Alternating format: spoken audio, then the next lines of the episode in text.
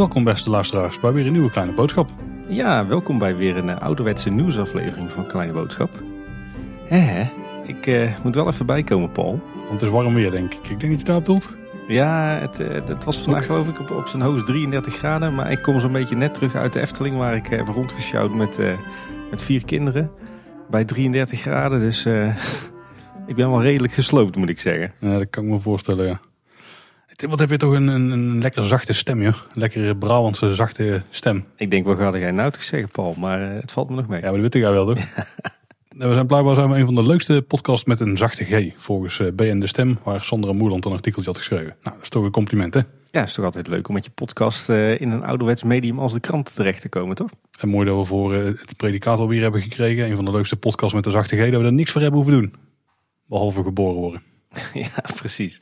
Hey, en uh, als we dan toch in feeststemming zijn, uh, voordat we beginnen, uh, vind ik wel dat we twee van onze collega's nog even moeten feliciteren. Hoor. Ja, zeker, zeker. onze collega's van Pretpark Praatjes, de podcast van Debbie en Bastiaan, die hebben inmiddels hun vijftigste aflevering gehad. Gefeliciteerd. Gefeliciteerd. En onze collega's van Details, de podcast over Disney en de Disney parken, Michiel, Ralf en Jorren, die, die hebben hun 200ste aflevering. Nou, volgens mij hebben ze technisch gezien die nog niet opgenomen. Daar kwamen ze ook een week vooraf achter. Want uh, ze hebben een quiz georganiseerd ter ere van de 200ste aflevering. Maar uh, ze dachten van, er wordt dan de 200ste aflevering. Maar alleen de quiz zit niet zo goed voor. Dus volgens mij moet de echte aflevering 200 nog komen. Dus die is komende week. Dus gefeliciteerd alvast. Bij deze alvast uh, gefeliciteerd. En 200 afleveringen van een podcast dat, over pretparken is toch wel een prestatie. Dus gefeliciteerd. Zeker. Goed bezig en hou vol. En we moeten ook nog een klein oproepje doen. En we gaan binnenkort een aflevering maken. Die hebben we al een beetje aangekondigd in onze Max Morris aflevering. Maar we maken het bij deze officieel. Wij gaan onderzoeken wat nou echt Eftelings is. En het liefst hebben we een hoop van jullie input daarbij. Dus als je nou zelf kunt omschrijven wat jij echt Eftelings vindt, stuur het dan naar ons toe. En dat kan eigenlijk via de gebruikelijke kanalen. Doe eens een keertje van tevoren, Tim. Ja, inderdaad. Ik denk dat de makkelijkste optie, als je het kort kunt houden, dat is Twitter. Daar zijn we Edka Boodschap. Maar je mag natuurlijk ook sturen via Instagram en Facebook. Daar zijn we Kleine Boodschap. En je kan uh, wat langere verhalen kwijt op de mail op info.kleineboodschap.com. En natuurlijk via het contactformulier op onze website kleineboodschap.com. En het is vooral de bedoeling dat we uh, eigenlijk een soort van lijstje gaan maken met de kernwaarden of de kernbegrippen van wat nou Eftelings is. Dus focus je op een, een aantal aspecten of een aantal waarden of normen die voor jou beschrijven wat nou echt Eftelings is. En uh, dat is een behoorlijke uitdaging, want uh, de geleerden zijn het er nog steeds niet over eens wat nou Eftelings is. Uh, zelfs Eftepedia heeft er niet eens een uitspraak over gedaan, viel mij vandaag op. maar wij gaan het toch proberen met de input van jullie. Dus kom maar op met, met jullie visie op wat nou echt Eftelings is. Ja, en er zijn plekken waar de Efteling het zelf heeft opgeschreven. En ja, er zijn plekken waar het ook wel eens genoemd wordt in een interviewtje. Maar daar gaat het ons niet om. Het gaat om het algemene gedachtegoed van de liefhebbers, wat die dus Eftelings vinden. Als we dat kunnen uitdrukken in een paar punten, dan is onze missie geslaagd. Dus alle input is welkom. Ja. Dan de follow-up Tim. Een aantal nieuwsafleveringen geleden, nummertje 156, toen hadden we het over die palen met die handshell die in Efting eh, zouden komen. Tenminste wat we hadden gehoopt, want die hadden we gezien in zo'n promotiefilmpje van eh, de coronamaatregelen. En toen riep jij volgens mij Tim dat van de Berselaar die wel eens een paar zou kunnen maken. Ja, we kregen een, eh, een anoniem mailtje en uh, anoniempje die schrijft... Beste heren van Kleine Boodschap, in aflevering 156 zeiden jullie dat jullie dachten dat de palen voor de handshell nog zouden komen maar dat Van de Berselaar dit zou doen. Ik heb het even nagevraagd, maar men wist van niets. Dus helaas krijgen we geen gethematiseerde palen. Jammer, want in de video waren ze best mooi. Ja, geen Van de Berselaar palen, maar inmiddels hebben we wel ja, een soort van gethematiseerde palen gezien. Als in ze hebben een kleurtje wat bij de Efteling past. Ja, inderdaad. Het zijn niet die mooie uh, groene uh, palen geworden met gouden details. Echt helemaal in de Efteling-stijl. Maar uh, de, de PVC-pijpjes die een aantal weken in het park hebben gestaan... die zijn gelukkig vervangen door een iets professioneler product. Het park staat nu vol met van die uh, bronsgespoten uh, palen. En wat blijkt, dat is eigenlijk gewoon een standaard product van de firma uh, stepclean.nl. en ja, die zijn gewoon her en der in Efteling neergezet. hebben een kleurtje gekregen. En het zijn eigenlijk ideale dingen, hè? want je trapt op een soort van pedaal. En dan, dan komt er wat handgel uit, uit het tutje. Dus ziet er professioneel uit. En nu ze brons zijn gespoten, ook, ook redelijk Eftelings. Dus ik denk voor de, de goedkoopste en de snelste oplossing misschien. Ik hoorde trouwens van een Belgische luisteraar dat er blijkbaar ook mensen zijn in de Efteling die dan daar hun eigen flesje vol tappen, zodat ze Shell op zak hebben.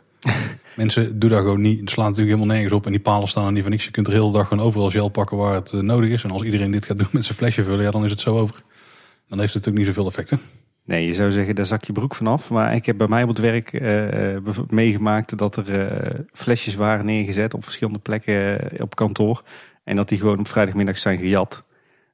door iemand die dus gewoon bij ons werkt. Dus als je dat eenmaal gewend bent, dan, dan valt dit ook niet, niet heel erg op. Maar goed, dat is inderdaad absoluut niet de bedoeling. Die dingen die staan er voor iedereen. Dus gebruik ze met mate.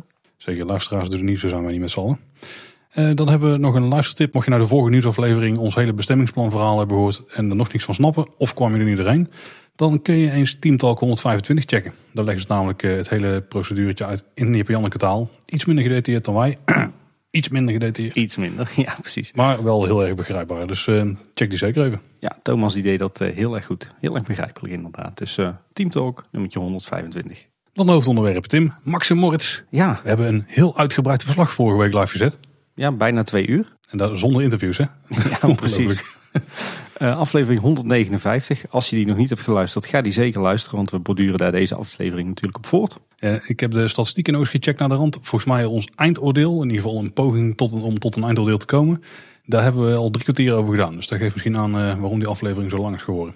Ja, nou ja, ik moet zeggen dat ik achteraf bezien niet erg ontevreden was over ons eindoordeel. Nou ja, er gebeurde wel iets, iets vervelends, of ja, vervelends. Uh, onze recensie werd ook opgepikt door, eh, de website Loopings. Uh, alleen die pikte daar al onze negatieve citaten uit. om vervolgens dat te verwerken in een artikel over hoe kritisch Efteling-fans waren over de attractie. Dus dat gaf een beetje een vertekend beeld. Daardoor leek het alsof wij heel zuur en heel negatief waren. Terwijl we volgens mij toch ons best hadden gedaan om een heel erg afgewogen verhaal neer te zetten. Met een, een goede analyse van alle plus- en minpunten. Dat viel mij een beetje tegen. Maar goed, ehm, ik denk dat we dit drie kwartier ook wel echt nodig hadden om, om, om een goed gewogen eindoordeel te maken. En ik moet zeggen, als ik erop terugkijk, dan ben ik nog steeds wel eh, redelijk content met dat, uh, met dat eindoordeel. Uh, alhoewel, ik miste er achteraf gezien nogal één item in. en die vraag werd ook door verschillende mensen gesteld. want in, ons twee, in het tweede deel van onze review hebben we het er eigenlijk over van... joh, past de stijl nou wel of niet bij de Efteling? Uh, waarbij we tot de conclusie komen dat de attractie uh, in principe uh, ook in andere parken had kunnen staan, omdat die niet Eftelings is. Dan kreeg ik van verschillende luisteraars de vraag van, ja maar is dat dan erg? Maakt dat dan uit dat een attractie niet Eftelings is? Ik snap die vraag wel, maar ik denk dat het wel degelijk uitmaakt.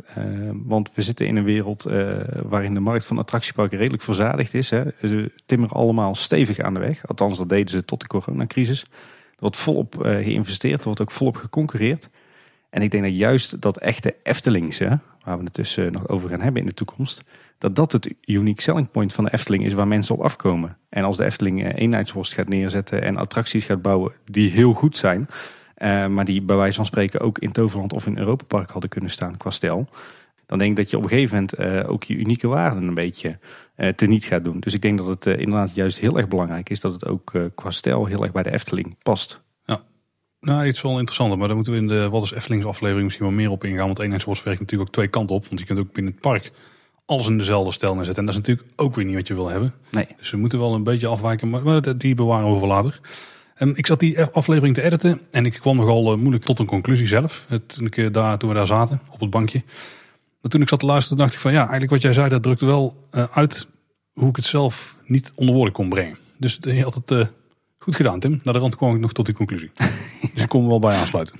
Maar ik denk, hè, voor de, van, want er waren best wel wat mensen die zeiden na het loopingsartikel van we gaan jullie review niet luisteren, want het is alleen maar negatief. Uh, luister alsjeblieft wel, want we waren echt niet alleen maar negatief. Integendeel, uh, volgens mij waren, hadden, we, hadden we net zoveel positieve punten als negatieve punten. En misschien wel meer positieve punten zelfs. Misschien nog wel meer, ja.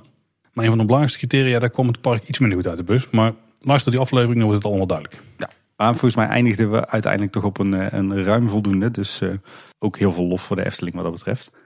We kregen trouwens ook nog een, eh, een tweet van uh. Wat volgens mij Engels is voor distel, zou dat kunnen? Dat zou best kunnen. Ja. Uh, zij schrijft, mooie aflevering weer. Ik moet het zelf allemaal nog ervaren. Wat ik uit jullie aarzelingen proef is het verschil tussen maken wat kinderen leuk vinden... en maken wat volwassenen denken dat kinderen leuk vinden. Dat laatste neemt kinderen niet serieus, het eerste wel... En dat haakt ook een beetje in op wat jij eh, in ons eh, eindoordeel zei, Paul. Namelijk, hè, het, er, er, wordt, er wordt telkens gezegd van ja, maar dit is toch wat kinderen leuk vinden. Waarop jij terecht opmerkte. Ja, maar in het Sprookjesbos staan ook een heleboel dingen die heel erg Efteling zijn. Die kinderen nog steeds heel erg leuk vinden. Zonder dat dat gepaard gaat met heel veel poep- en pieshumor.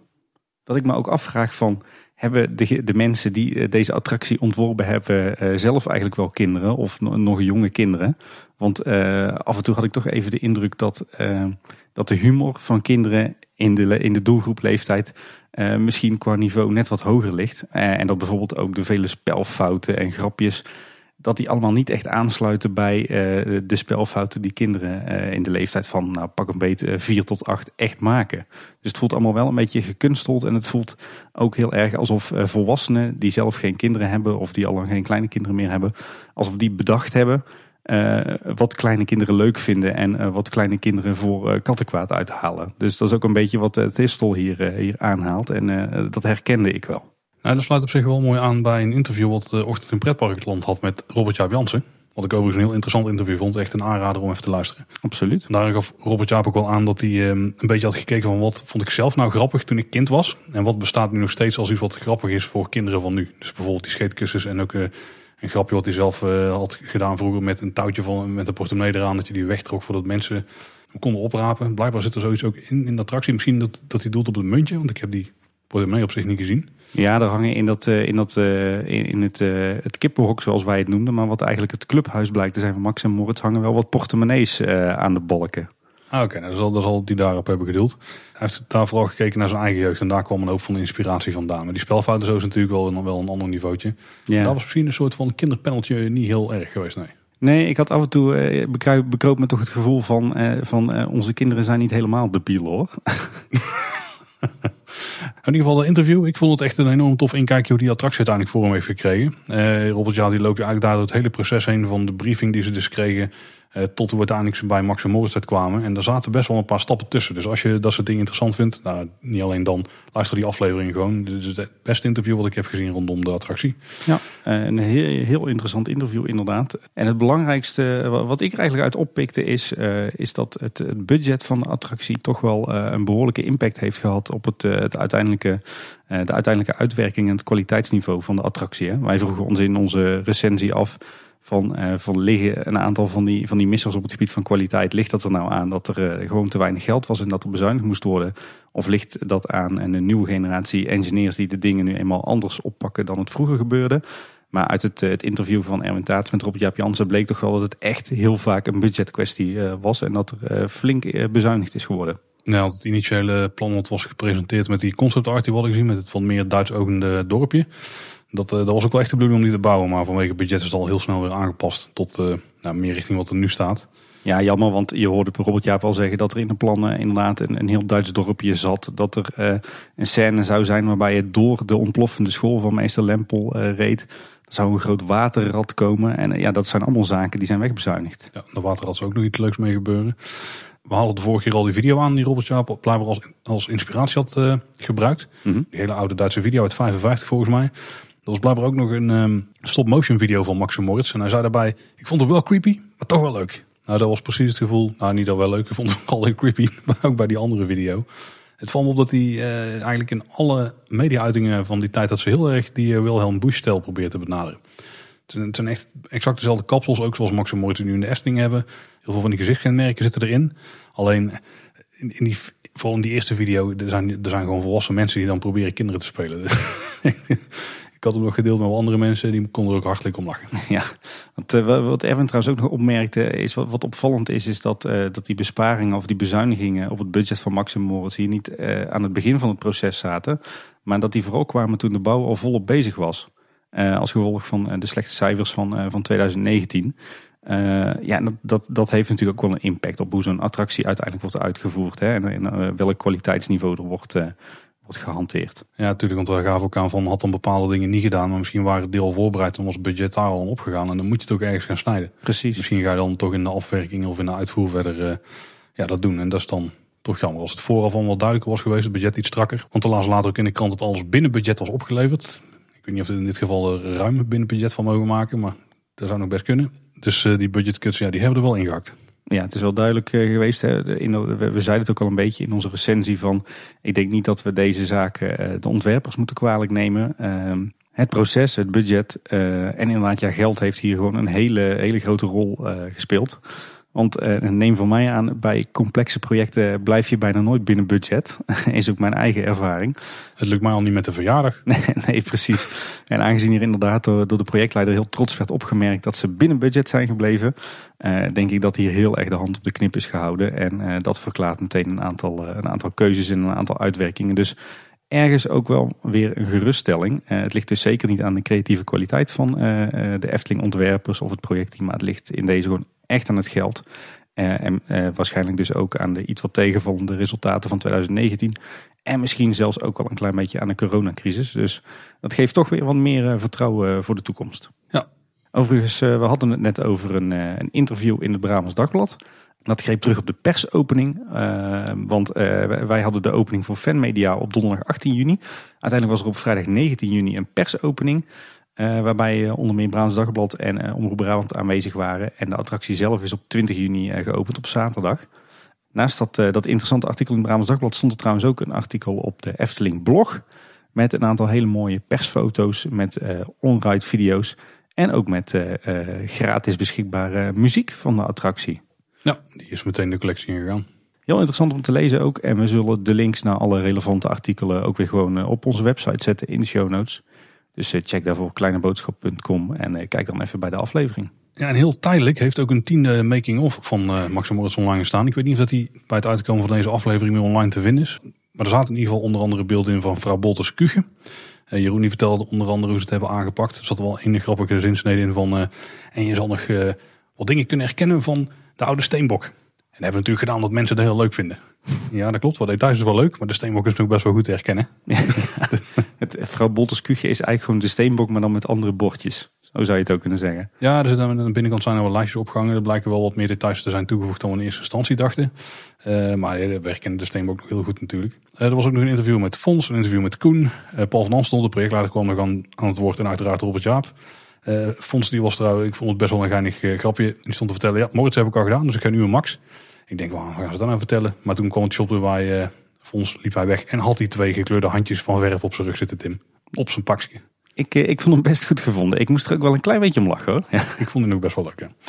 Bijzondere was wel dat hij daarna in de onrides die ze hadden met, uh, met Fons erin, dat hij wel in de Moortsbaan zat. Dus ik weet niet of dat hij uiteindelijk nou in de Maxbaan is geweest. Hmm. Dus, Weer een continuïteitsprobleempje. Ja, en verder, verder was het echt zo'n, het was de tiende aflevering. Uh, het was echt zo'n afrondende aflevering, weet je wel. Er zaten dan uh, wat shots in van de projectteamleden die allemaal een eerste rondje hadden gemaakt. En die uh, enthousiast vertelden van het, het project zit erop en we hebben het leuk gehad en goed gedaan. Er zaten wat bezoekers in en eerste reacties daarvan.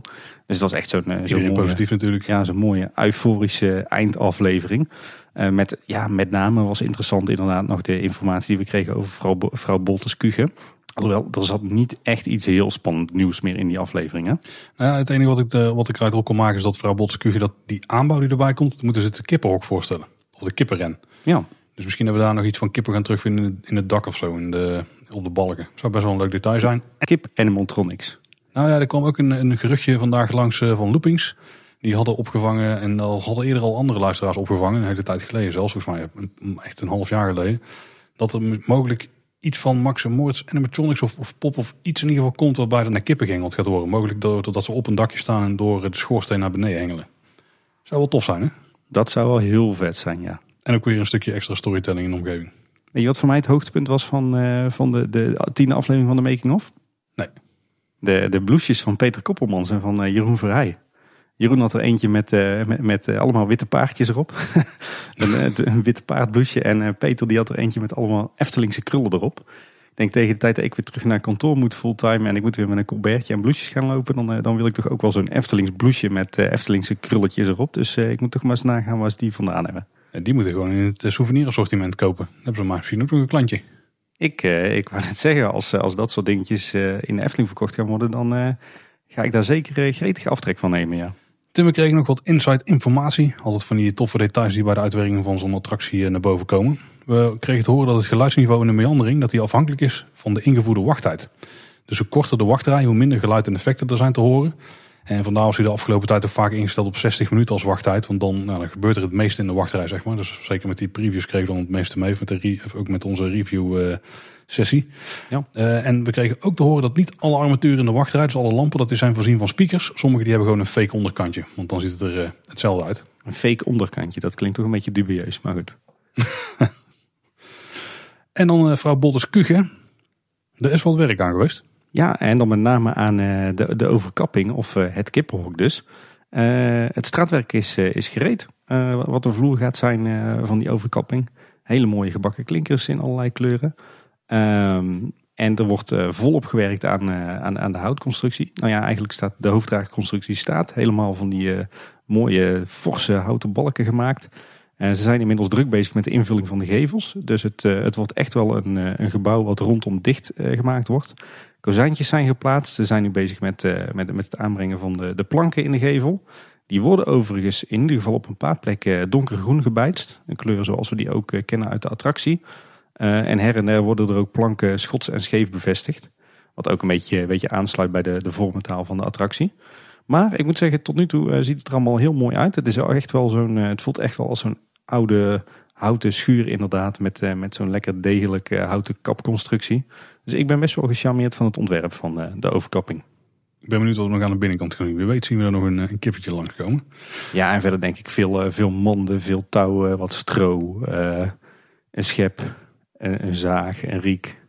Ja, Je kent ik, het wel. we kennen het inmiddels wel, ja. Uh, René is ook bezig, René Merkelbach natuurlijk, met aparte muziek voor het horecapunt. Dus die ik verwacht dat die daar te horen zal zijn. En ook uh, natuurlijk in het gebouw zelf. en, weet je wat ik trouwens ook, ook nou, we, we, blijven bezig, maar weet je wat ik ook een leuk puntje vond uit, uit het interview van Ochtend in Pretparkland? Dat, dat uiteindelijk het riedeltje zoals René dat gemaakt heeft, dat het afkomstig is van de muziek voor Bridge over the River Kwai. Hebben we dat ook niet een keer aangehaald? Dat durf ik niet meer te zeggen. Maar uh, dat, dat kwam in ieder geval, dat idee kwam van uh, Robert Jaap. En dat, daar is René mee aan het werk gegaan. En nou ja, met het resultaat zoals we dat nu kenden. En ik vond eigenlijk de hele redenatie, hoe dat die daarbij is gekomen. Van hè, de belhamels gaan op pad, trekken de natuur in om kattenkwaad uit te halen. En daar past een beetje dat sfeertje van Bridge over the River Kwai in. Ja, ik snapte die wel. Lang geleden dat ik die film heb gezien. Heel lang geleden. Het originele, originele deuntje is dat...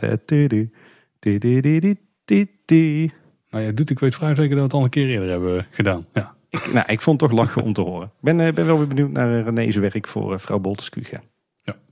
Vrouw Bolteskuge moest ook geopend worden. Uh, Jeroen Verheij die had daar een fotootje van op zijn Instagram gezet. Met een glaasje champagne voor de opening. En volgens mij een van de, de, nieuwe gefrituurde kipstukken. En die schreef erbij, dit is de eerste fase van vrouw Bolteskuge. Nou vraag ik me af, gaat het dan over het totale stuk wat we nu al weten? Of ging dat alleen over het binnengedeelte en valt overkapping niet bij de eerste fase, maar dan een tweede fase of een anderhalve fase? Nou, ik, denk dat dit bevestigt wat we al eerder dachten, namelijk dat er, dat er veel grotere plannen zijn voor dit gebied. Dat er nog steeds een soort horecaplein of foodcourt gaat komen. Waar uh, Peter Koppelmans ook naar hintte uh, in het interview dat wij met hem hadden in onze special over de opening van Fabula.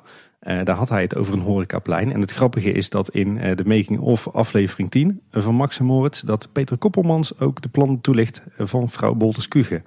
Dus ik denk dat Peter inderdaad ontwerpcoördinator is voor het, het horeca gebeuren hier. En ik denk dat, dat die Instagram post van Jeroen dus bevestigt dat er wel degelijk plannen zijn... om op een later moment ook echt iets van een horecaplein te gaan bouwen. hoogstwaarschijnlijk dan op het perceel dat, dat nu is ingezaaid. Dus goed om te horen. Ik ga mezelf niet eh, te veel warm maken hiervoor. Ik ga ervan uit dat de eerste fase gewoon echt het binnengedeelte was. Waar de borden zijn geplaatst en alles. En de bestelzuilen. En dat het buitengedeelte wat we nu al kunnen zien. Dat ook de tweede fase is. Maar eh, ik probeer hem zelf in te houden. Uh, overigens in het interview met Rob Jaap Jansen bij Ochtend in Pretparkland. Toen noemde hij ook van. Er ligt hier niks een, een groot open veld achter me. Daar zijn natuurlijk nog plannen voor. Want die plannen zijn er niet verder niet doorschemeren. Maar ook daar wordt het aangehaald inderdaad. Kijk, mooie, mooie toekomstbeelden in ieder geval om naar uit te kijken. En dan zijn er ook eh, nog wat werkzaamheden aan het, eh, plein geweest eh, die wij niet hadden meegenomen in onze, in onze reportage over de opening van Maxim Moritz. er is namelijk een nieuwe invulling gekomen van het, het grote bord van bobsleevereniging De Steenbok. die staat zeg maar aan het pad vanaf Vrouw Bolterskuur richting Piranha. en daar is nu een andere invulling voor gekomen. de, de titel is Hartelijk welkom op het Max en Moritzplein. Waarbij plein dan gek genoeg weer met een kleine letter is geschreven. Terwijl in andere uh, publicaties schrijven ze het met een hoofdletter. en daar vinden we wat reclame op voor de burgerbakkerij of bakery. Het is maar net hoe je het uit wil spreken. Nee, ik ben nou over het, om het is bakkerij, Tim. Je hebt helemaal gelijk. Al die tijd al. En voor het bengelmenu. En ehm, ik weet dat er wat taalpuristen zijn en die zich nogal kunnen storen aan het, het spatiegebruik in de Efteling. En dit bord stond ook weer vol met spatiefouten. Namelijk een bengel menu met een spatie ertussen. En het Max en Moritz plein met ook weer een spatie ertussen. Dus, uh, maar goed, wel een vrijbord uh, trouwens. Uh, en verder zagen we ook nog foto's van werkzaamheden aan de openbare verlichting aan het asfaltpad tussen het Max en Moritzplein en het Piranhaplein. Dat zijn zeg maar echt die, die donkergroene lichtmasjes met die, die melkglazen bollen erop. Daar werd aan gewerkt. Misschien dat daar nu LED-verlichting in komt. Uh, en wat ik ook heel erg mooi vond om te zien is dat in de, de nieuwe armaturen van het Moritzplein zelf, dat daar uh, schitterende uh, ledlampen in zitten met een, eh, een soort van namaak gloeidraad. dus ondanks dat het led is, zie je daar straks niks van en lijken het hele ouderwetse lampen. heel mooi dat, dat die inmiddels beschikbaar zijn en ik hoop dat we die ook op meer plekken in de Efteling gaan zien. En dan zijn er ook nog nieuwe souvenirs, dat is later allemaal bekend geworden. Uh, vanaf 20 juni is er bijvoorbeeld een uh, grote poster beschikbaar van 70 centimeter bij een meter. Scheetkussens kun je nu ook kopen bij de attractie. Net als uh, gouden nepdrol, Tim. Ja, wat moeten we daar nog van zeggen? er zijn een koelkastmagneten verkrijgbaar. En je kunt eigenlijk al die dingen krijgen in Efteldingen en koelkastmagneten ook op andere plekken. Vanaf half juli zijn er ook wat extra items verkrijgbaar. Zoals knalgele t-shirts met het logo voorop en de tekst. Wie dit leest is gek achterop. En die heb je dan in kindermaatjes en volwassen maatjes. Iets voor jou, Paul? Uh, ik denk niet dat ik kindermaatje passen en het volwassen maatje. Nee, ik sla deze over. en dan hebben we ook nog een pinset, Tim, met drie pins. En uh, die zijn al verkocht inmiddels, hè? Ja, inderdaad. En dat is op een, eh, op een hele goede manier gebeurd. Uh, de Efteling heeft duidelijk lessen geleerd van, van eerdere verkoop van unieke pins die wat minder goed liepen. Op, op één puntje na, denk ik trouwens. Maar daar wil ik zo wel op Oké, nou dat heb ik niet meegekregen, dus verras me. Maar ehm, het was in ieder geval een pinset van drie pins van Max Moritz.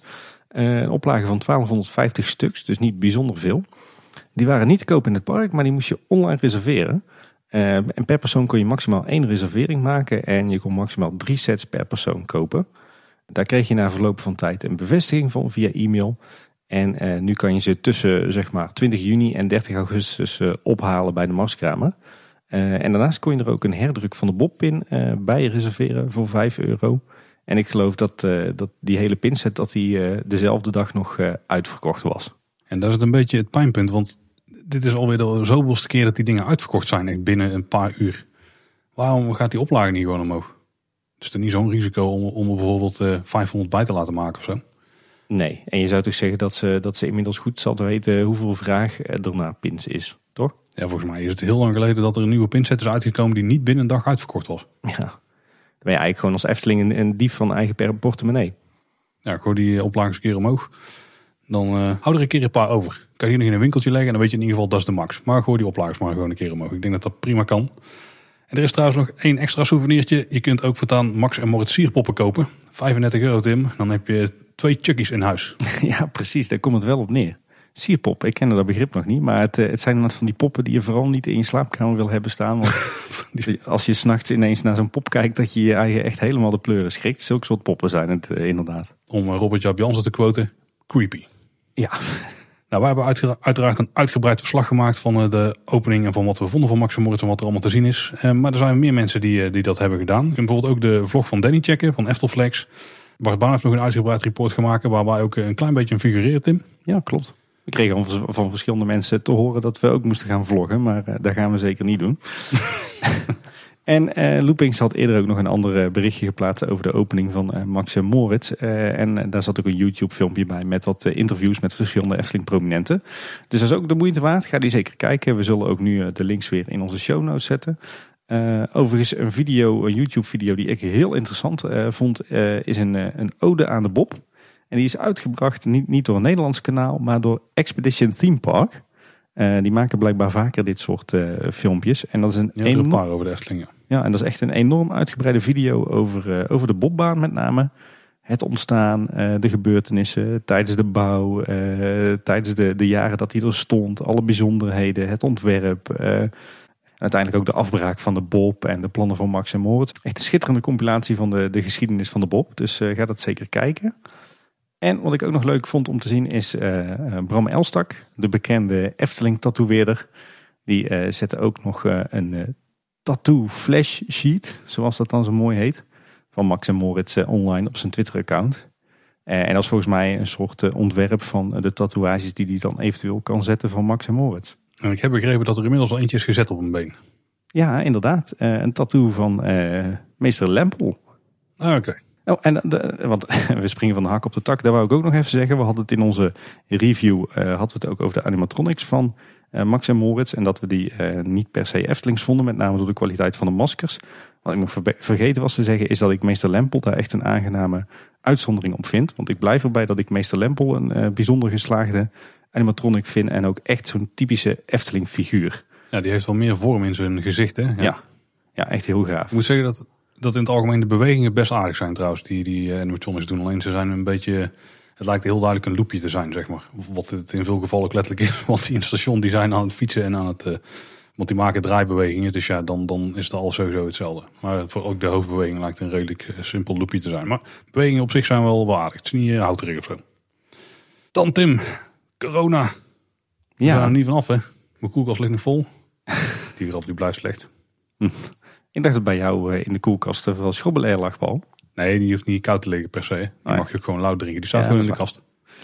Uh, nee ja, corona inderdaad. Uh, nou jij zegt uh, het is nog steeds niet over. Ik heb wel de indruk dat het langzaam maar zeker uit begint te sterven in Nederland. met met nog amper ziekenhuisopnames. Maar goed, dat wil niet zeggen dat dat, dat de crisis voorbij is en dat we niet nog met, uh, met allerlei maatregelen zitten. Nee, je kunt zien in het buitenland dat één, uh, één iemand die het nog heeft, dat hij toch een flinke berg mensen kan aansteken. Check in Nieuw-Zeeland, waar ze al drie maanden geen, geen nieuwe gevallen meer hadden en inmiddels weer enkele tientallen. Dus het kan snel gaan. Ja. Maar uh, de Efteling en alles wat daar betrekking op heeft. We zijn weer een paar keer in de Efteling geweest hè? Ja, inderdaad. Ik heb uh, ook inmiddels last minute reserveringen gedaan. Dat ging heel erg uh, fijn. Ik moet wel zeggen dat me opviel dat de laatste slot daarvoor op een doordeweekse dag is in ieder geval tot drie uur. En dan haal ik nu net, omdat de kinderen vanwege afwijkende schoolschema's dan dat het net voor drie uur daar kunnen zijn. Maar normaal gesproken zijn ze pas na drie uur klaar en dan haal ik dat dus niet. Dus ik, ik hoop dat we daar nog iets aan gaan doen. Want tot drie uur is net te krap voor ja, de, na de zomer in ieder geval. Als het dan nog zo uh, werkt. Maar ze gingen toch ook tijdslots invoeren die tot vijf uur uh, gebruikt konden worden? Ja, maar dat is volgens mij voor normale... Dat is niet voor de last minute reservering of zo. Oh. Hmm. Ik weet niet, was niet al duidelijk. Er waren meer mensen die niet konden reserveren voor na drie uur voor het last minute slot. Oké. Nee, ik moet zeggen, ik ben inmiddels uh, best wel vaak weer in de Efteling geweest sinds onze vorige nieuwsaflevering. Met name met dank aan die last minute reserveringen. Ik moet zeggen, dat is echt wel een gouden vondst hoor. Dat werkt echt fantastisch op de een of andere manier uh, zijn er ook altijd voldoende plaatsen beschikbaar. Want ik heb nog nooit uh, misgegrepen. En ook uh, vrienden en bekenden hebben diezelfde ervaringen. Ja, in het weekend kun je nog wel eens misgrijpen. Dan, dan zijn ze vaak snel weg. Ja, klopt. Maar, maar goed, als je je reguliere reserveringen in het weekend houdt. En je gebruikt de last minute reservering voor een keer door de week of zo. Het werkt voor mij echt als een, als een tierenlier. ik zit nu bijna weer op een schema zoals normaal. qua aantal bezoekjes en, en duur van bezoekjes. Ik gebruik dan mijn reguliere reserveringen inderdaad voor, een, voor volle dagen in het weekend. En als ik dan door de week een keer een paar uurtjes wil of een middagje, zoals vandaag op, eh, op de woensdagmiddag, dan werkt zo'n eh, last minute eh, reservering perfect. Dat is echt een gouden vondst. Ja. Ik zeg dat het ook weer, weer lekker druk is in het park. zoals we dat dan vroeger noemden, de gezellige bedrijvigheid. er hangt, hangt ook echt weer een lekkere sfeer. Er wordt volgens mij ook weer aardig wat omzet gedraaid in de horeca. Dus ik, ik was de afgelopen paar bezoeken weer heel blij. Uh, sowieso lijken ze een heleboel zaken uh, goed op orde te hebben. De horeca die loopt volgens mij best wel lekker. Uh, zelfs bij Polles Keuken draait het volgens mij allemaal prima. en ook de, de, de hele lijkt nu redelijk voorbij. Die, die 22 verschillende toiletunits op de speelweide, dat, dat zet echt wel zoden aan de dijk. maar, maar zo viel me ook op dat er nu een drukte-indicatie in de Efteling-app staat bij de verschillende toiletgroepen. Die, die dan wordt bijgehouden door de, de medewerkers die bij de toiletten staan. En wat op sommige plekken in de Maarrijk wordt er ook met sandwichborden verwezen naar de toiletten op de speelweide. Dus dat uh, gaat echt als een, uh, als een trein. Ja, inderdaad. Vooral die toiletten, daar valt me ook op. Ja, daar werkt nu, uh, dus de wachttijden zijn nu gewoon heel kort. Dat is wat mij betreft goed opgelost. Ik, ik vond het ook wel weer leuk om weer een keer naar het toilet te kunnen in de oude toiletgroep van het Ruigrijk. Dat voelt dan toch een beetje alsof je op zo'n campingtoilet naar binnen gaat, weet je wel, uit de jaren tachtig. Ja, dat is een beetje wel mijn, mijn zomeravond experience normaal gesproken. Maar het enige wat mij wel opvalt is dat, uh, dat de wachtrijen van de attracties uh, natuurlijk wel uh, aardig wat langer zijn dan normaal. Is ook te begrijpen, want de capaciteit is natuurlijk een stuk lager.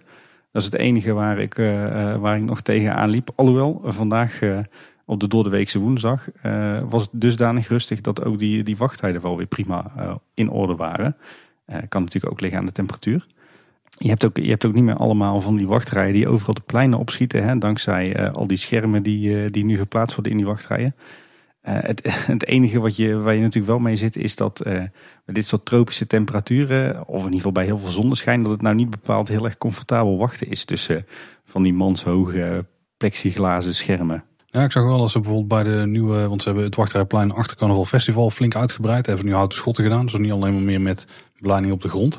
Het is ook die schotten met, met uh, de zeil ertussen, maar daar hebben ze ook een soort ja, schaduwdoeken boven gespannen.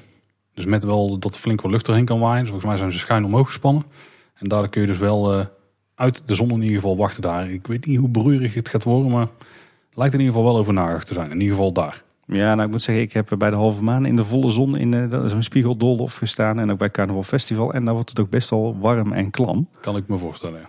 Ik vraag me wel af trouwens, want daar hebben we de vorige keer ook over gehad. Uh, er zijn steeds meer berichten dat, uh, dat het coronavirus zich in de open lucht eigenlijk amper verspreidt. Dat het zich met name verspreidt in wat benauwdere binnenruimtes die slecht worden geventileerd. en dan met name als je er wat langer in verblijft. Het stom is eigenlijk dat, dat eh, in de eerste fase zeg maar, van de heropening van de Efteling had je al die wachtrijen die overal over de pleinen slingerden en achter de schermen allemaal lekker in de open lucht. Maar nu gaan ze toch weer een heleboel mensen in, in hallen zetten tussen plexiglazen schermen zodat je niet naar elkaar kan kuchen. Dus, dus dat je niet die anderhalve meter afstand moet aanhouden in alle richtingen.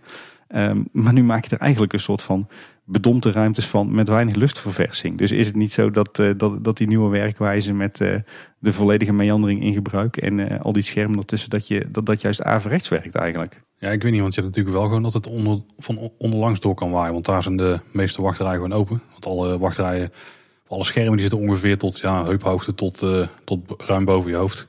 Dus er is op zich wel doorwaairuimte. En als je anderhalf meter afstand houdt, dan zou er nog steeds niks aan de hand moeten zijn natuurlijk. Ja, kijk, op zich houden zich, ze houden zich natuurlijk prima aan alle normen. En wat dat betreft werkt het prima. Maar met gezond boerenverstand en de laatste berichten over hoe het virus zich verspreidt, denk ik bijna dat het volgens mij uh, verantwoorder is om helemaal geen schermen tussen de wachtrijen te plaatsen en gewoon lekker iedereen in de open lucht te zetten. Dan dit soort uh, glastuinbouw creëren. Maar goed, er is over nagedacht. Dus, Ja, want anders kun je niet zoveel mensen kwijt op dezelfde plek. Hè? Dat is het hele punt.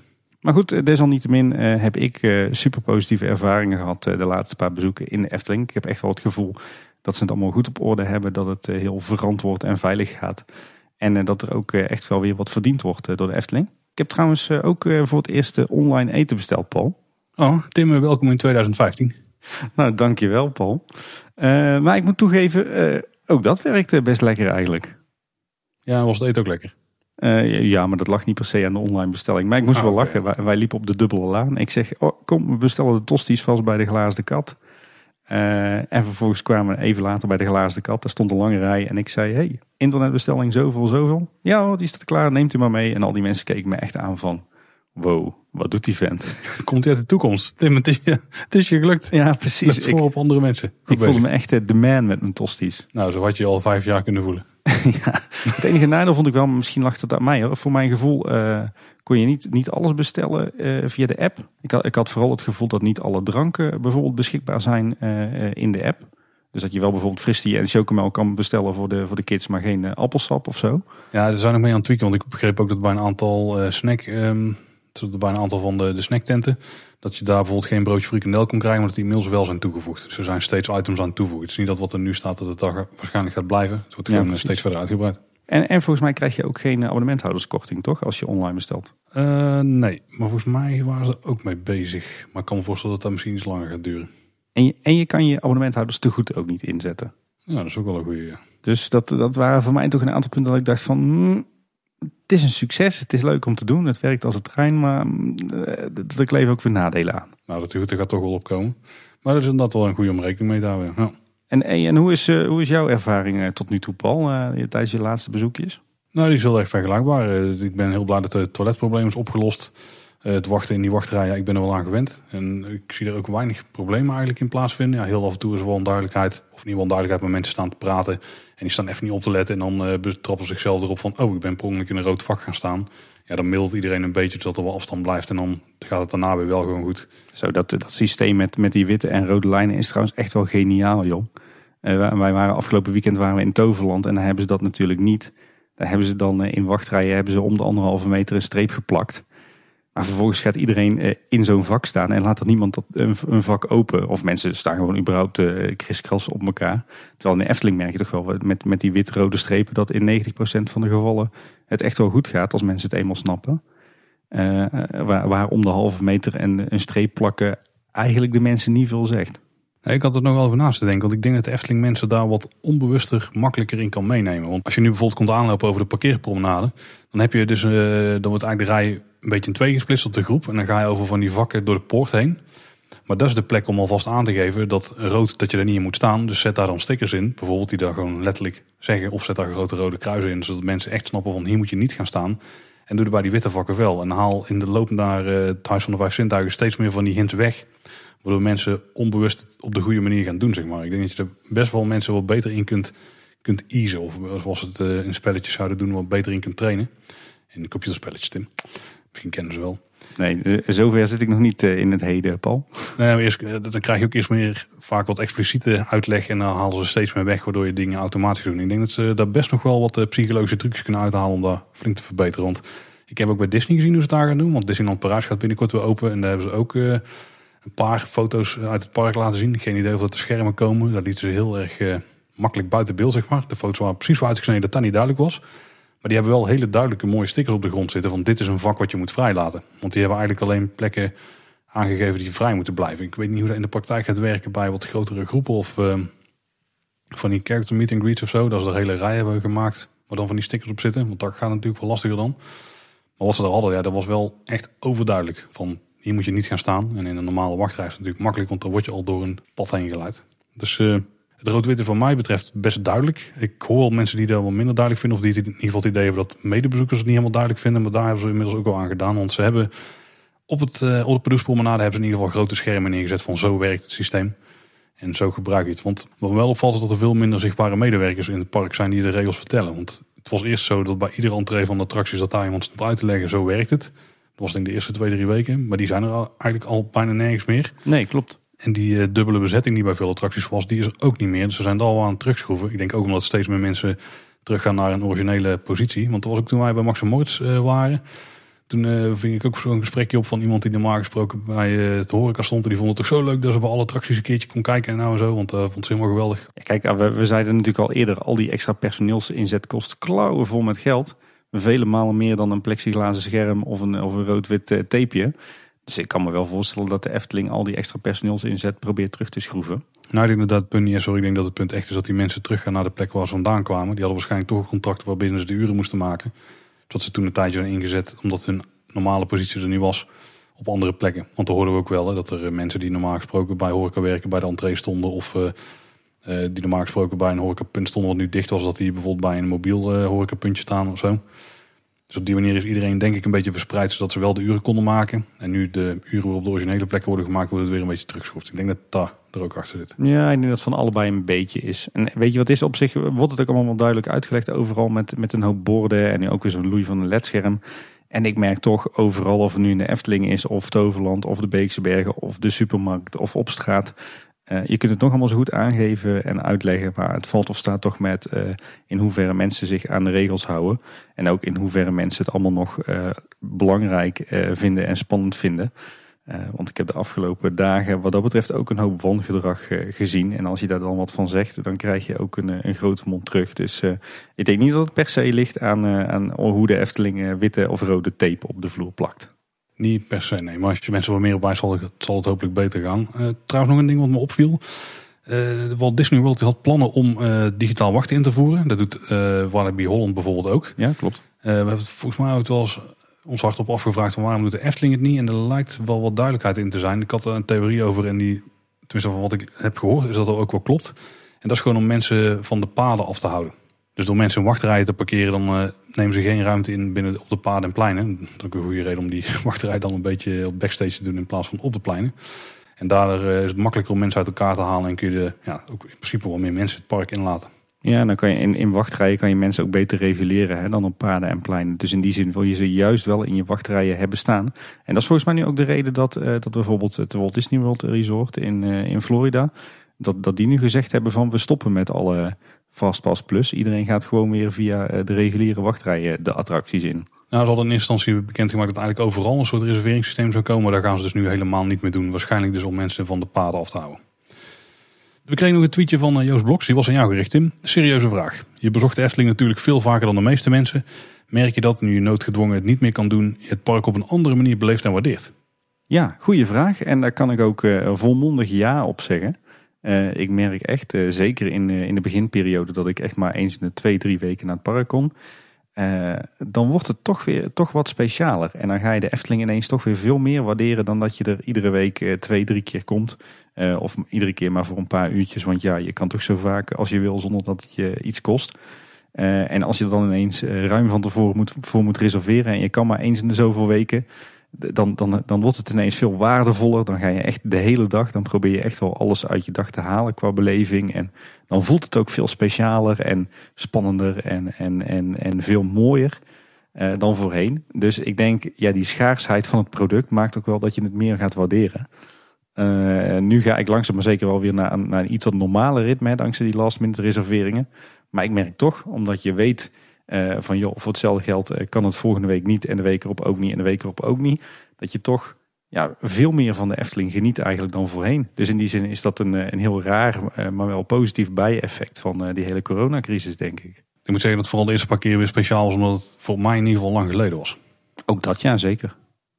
Het, het enige wat ik nog wel echt mis, zijn die, eh, die, die soms toch wel wekelijkse bezoekjes aan Bosrijk of het Loonse Land. Dat waren voor mij ook wel echt plekken die voelden als een beetje een, eh, een tweede achtertuin. Ja goed, daar zijn we nog steeds niet welkom. En eh, ja, ik denk op het moment dat we daar ook weer terecht kunnen, dat dat, dat ook wel echt als een soort van bevrijding gaat voelen.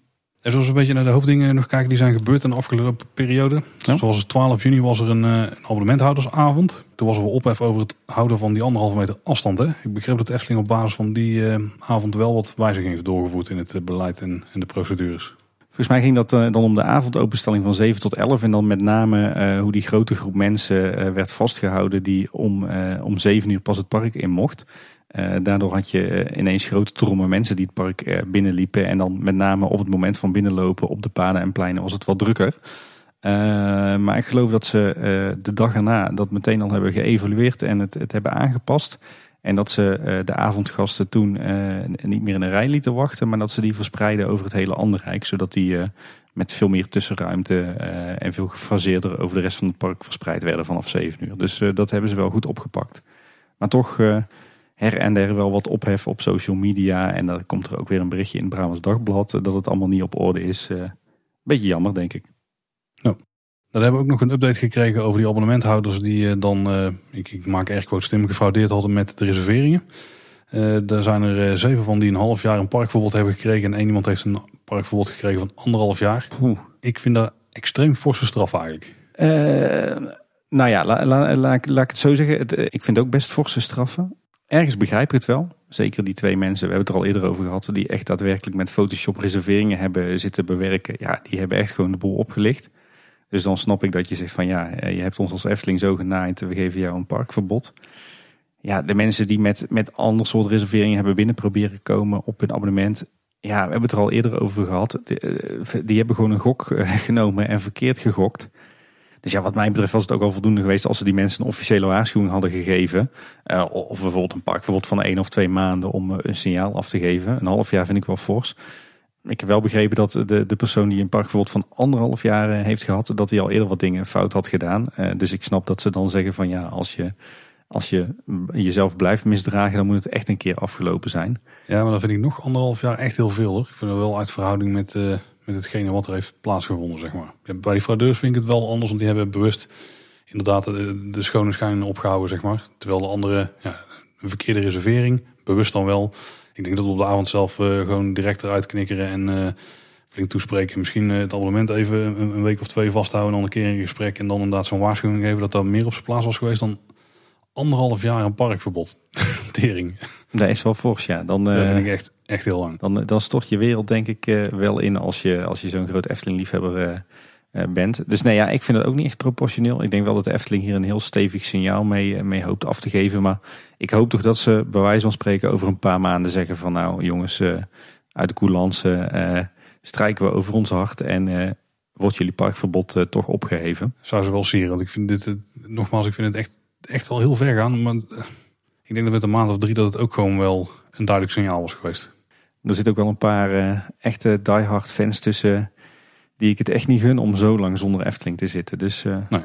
pijnlijke, pijnlijke kwestie. Voor iedereen hoor overigens. Want want je moet je natuurlijk gewoon aan de regels houden en uh, niet gaan lopen kloten met, uh, met reserveringen en zo. Nee, nee, dat ook niet. Dat is zeker niet goed. Maar bestraffen buiten proportioneel, denk ik.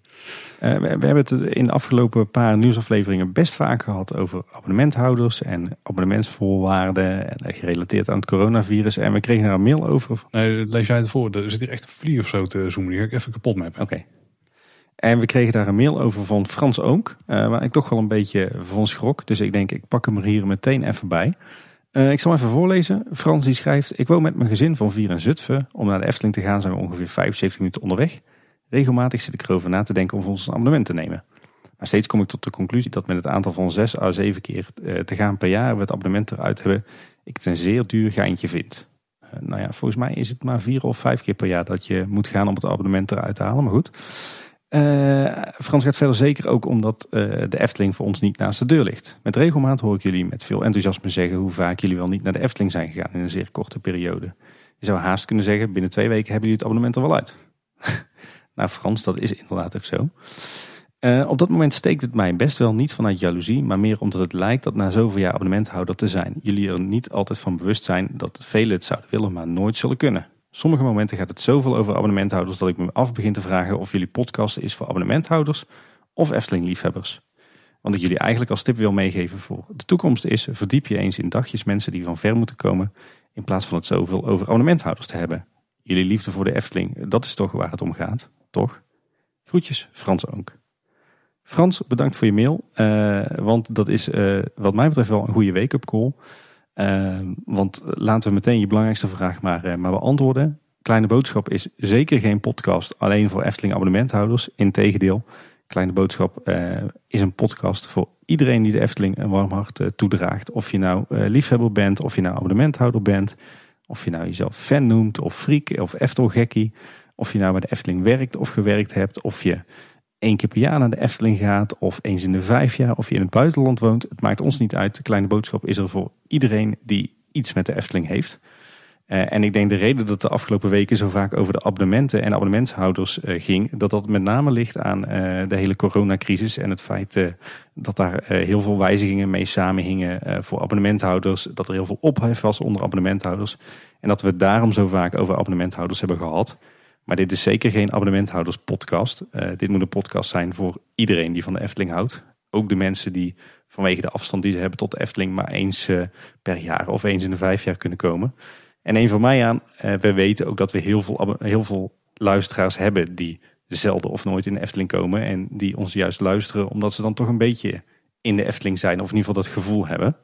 en ik denk dat we in het verleden ook best wel een aantal praktische afleveringen hebben gemaakt met, met, met tips voor mensen die minder vaak in de Efteling komen dan wij.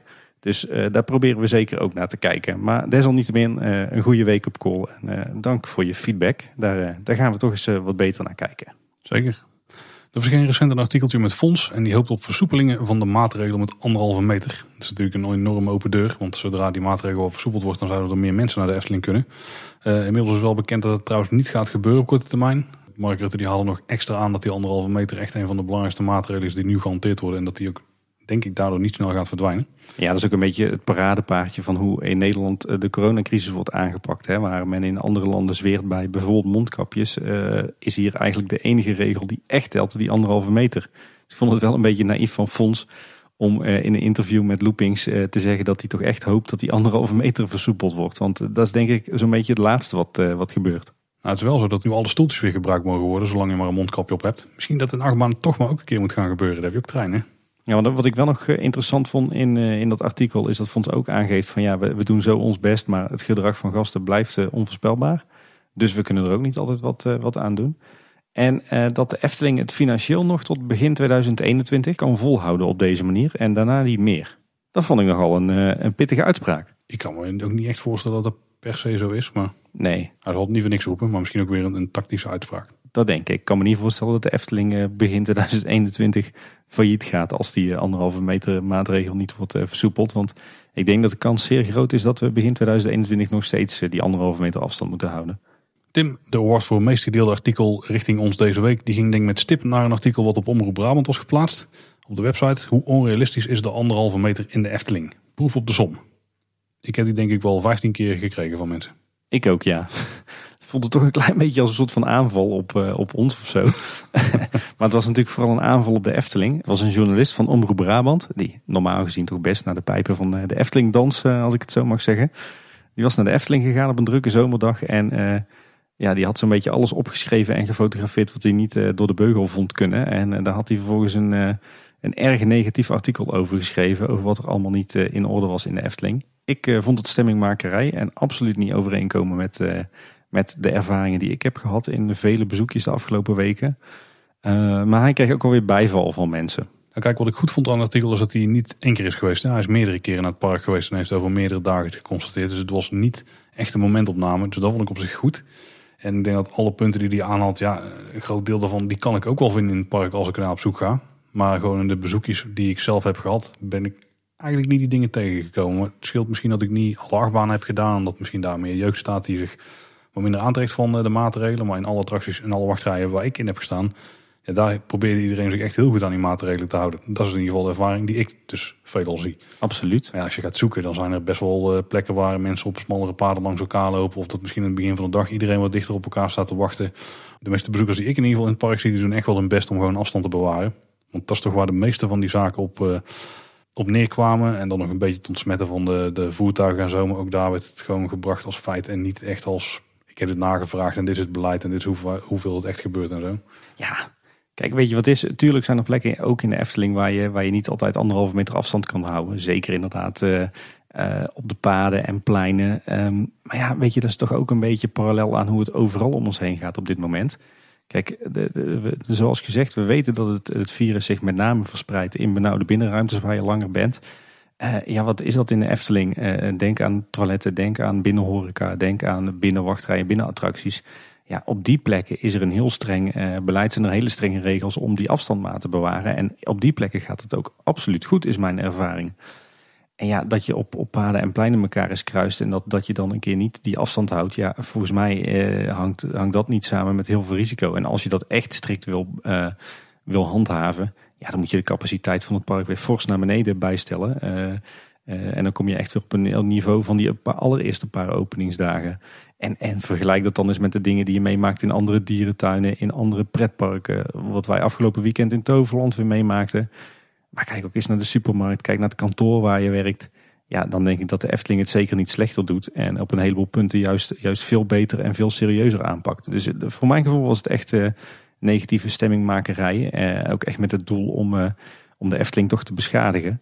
Want ja, iets waar ik wel voor vrees, als dit soort uh, artikelen nou veel vaker naar buiten komen, ja, dan ga je toch op een gegeven moment uh, een klein beetje vrezen dat de Efteling misschien op de vingers getikt gaat worden en een waarschuwing krijgt van uh, als jullie hier niet beter op letten, dan mag je een keer dicht. Nou, er werd in ieder geval niet echt gekeken naar alle positieve dingen die ook gebeuren binnen het park. Want daar werd geen woord aan schoongemaakt. Is dat dan de uitdrukking in deze? Ik weet het niet. Efteling gaf in ieder geval wel een reactie. die zeiden we kunnen ons niet vinden in het artikel voldoen aan de alle RIVM-richtlijnen en het protocol van de Club van Elf. Gasten zijn onvoorspelbaar en die hebben zelf natuurlijk ook een verantwoordelijkheid. De laatste is wel een beetje makkelijk, want je moet ze natuurlijk zo goed mogelijk proberen te leiden. En, uh, nou, we hebben wel op bepaalde momenten gezien dat vooral bij binnenkomen van het park wat, wat gedoe is. Maar daar proberen ze dus ook steeds uh, meer verbeteringen aan te brengen. Ja, de Omroep had een, een, een, reactie gevraagd aan de gemeente Loon op Zand. En de gemeente die gaf aan dat de Efteling zelf ervoor moet zorgen dat de bezoekers zich aan de richtlijn houden. en de gemeente die houdt aangekondigd en onaangekondigd controles in het park. En een aantal keer zijn er wat uh, adviezen uit, uit voortgekomen die meteen door de Efteling werden opgevolgd. En er zijn nog geen waarschuwingen of boetes of iets dergelijks uitgedeeld. Overigens is er schijnbaar afgelopen weekend ook een proef geweest met crowd control managers die ze volgens mij extern hebben ingehuurd. En die mensen die zouden de loopstromen in het park analyseren, advies geven aan de Efteling en een coördinerende taak hebben richting de gasten. Ik, uh, ik, ik heb er niks van gezien of gehoord verder. Uh, ik kan me dan zo voorstellen dat het die mensen zijn die bijvoorbeeld op eh, festivals ook het, de, de crowd control doen ja, of zo. Met, met de hashjes. Ja, misschien, misschien horen we nog iets van. Ik heb geen idee. Het, het zou een, een idee zijn om een soort beveiligers aan te stellen die zich met name richten op het aanspreken van gasten om het, op het naleven van de maatregelen. Alhoewel, de Efteling zou dan ook zo'n beetje de enige plek zijn in Nederland, denk ik, waar dat zo actief gebeurt. Want bij ons in de Jumbo is daar in ieder geval geen sprake van. Nee, maar in dit geval kan Efteling maar beter een vooroploper zijn, denk ik. Dat is waar. er stond 24 juni ook een artikel op het Efteling-blog. Die ging over toegankelijkheid van de Efteling voor minder valide in coronatijd. Uh, Koen Bertens is daar verantwoordelijk voor, hè, voor uh, toegankelijkheid binnen de Efteling-directie. Uh, ze zeggen daarbij dat inclusiviteit belangrijk is voor de Efteling. Oftewel, het park zou toegankelijk moeten zijn voor iedereen. Niet alleen voor minder valide, maar ook voor mensen die het financieel of sociaal zwaarder hebben. Overigens, uh, inclusiviteit is natuurlijk nog net wat breder dan dat. Hè? Want ik denk als de Efteling inclusiviteit echt heel belangrijk zou vinden, dat ze dan ook wat meer werk zouden maken van, uh, van zaken als vermeende racistische uitingen in het park en genderneutraliteit en dat soort zaken. Maar goed, ik denk dat ze hier inclusiviteit vooral zien als toegankelijkheid. Ja, dan, zo heet de werkgroep ook hè? Ja, ja precies. Werkgroep toegankelijkheid. Ja. En daarbij maken ze dus ook gebruik van externe experts. En ze hebben contact met diverse belangenverenigingen zoals de Zonnebloem. En ik weet dat ze dus ook bezig zijn met de, de, stichting uh, die blinden en slechtzienden representeert. Vanwege het ideetje wat ik er ooit heb geopperd. Klopt ja, dat uh, stond ook in het blogbericht inderdaad. Ja, de aanleiding van het bericht was natuurlijk vooral dat ze uitleg wilden geven waarom uh, een heleboel extra attracties nu in coronatijd niet toegankelijk zijn voor minder valide ten opzichte van de normale situatie. Dat zijn met name de attracties waar, uh, waarmee water gemoeid is. Denk aan Fata Morgana, denk aan Piranha. Wat ze daarin uh, aangaven bevestigde eigenlijk het beeld dat wij zelf ook al eerder hadden. Namelijk dat, dat de attracties waar normaal gesproken de minder valide niet zelf kan instappen of niet met hulp van de eigen begeleider, maar waar echt Efteling personeel actief moet helpen dat dat de attracties zijn uh, waar ze nu niet in mogen. Omdat uh, ja, er anders natuurlijk veel te veel fysiek contact is tussen Efteling-medewerkers en, uh, en de gasten. En dat willen ze natuurlijk vermijden. Dus dat is de reden waarom er een aantal extra attracties niet beschikbaar zijn voor minder valide. En dan lopen we nog even snel door alle nieuwe maatregelen heen. In het algemeen zien we op steeds meer plekken definitieve vloerstickers. Dus wat mooiere met onder andere pijlen voor looprichtingen, getallen, voetjes met locatie voor de medewerkers. Ook het verzoek om afstand te houden, die anderhalve meter. En stickers met een rolstoel erop. En ook stickers met dit is een smal pad. Ik denk goede toevoeging, want die misten we wel, ja. Ja, ze hebben echt een, eh, een, een heel scala aan uh, vloerstickers nu. Uh, ze zijn allemaal erg duidelijk. Ze zijn gewoon wit, dus vallen lekker op. Maar wel met een Efteling, Eftelings uiterlijk. Dus heel fraai, heel netjes en stukken beter dan al die tijdelijke tapejes en, en A4'tjes. Heel mooi. Ik zie ook steeds meer medewerkers lopen met van die gele hesjes met erop het verzoek om anderhalve meter afstand te houden. En er zijn ook weer Eftelingse elementen op aangebracht, zoals de neus van Pinocchio, voetstapjes, voor een klein duimpje.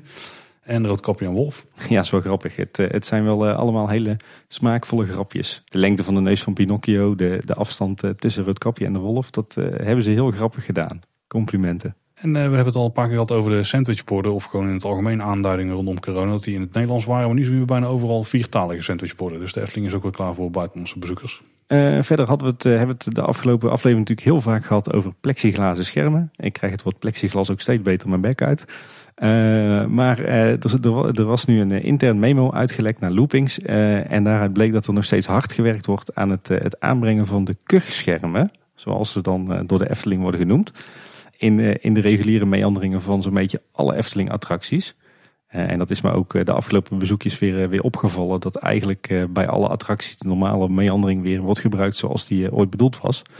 maar liefst twintig technische medewerkers die zijn al weken bezig met het, het bouwen en monteren van, van de kuchschermen.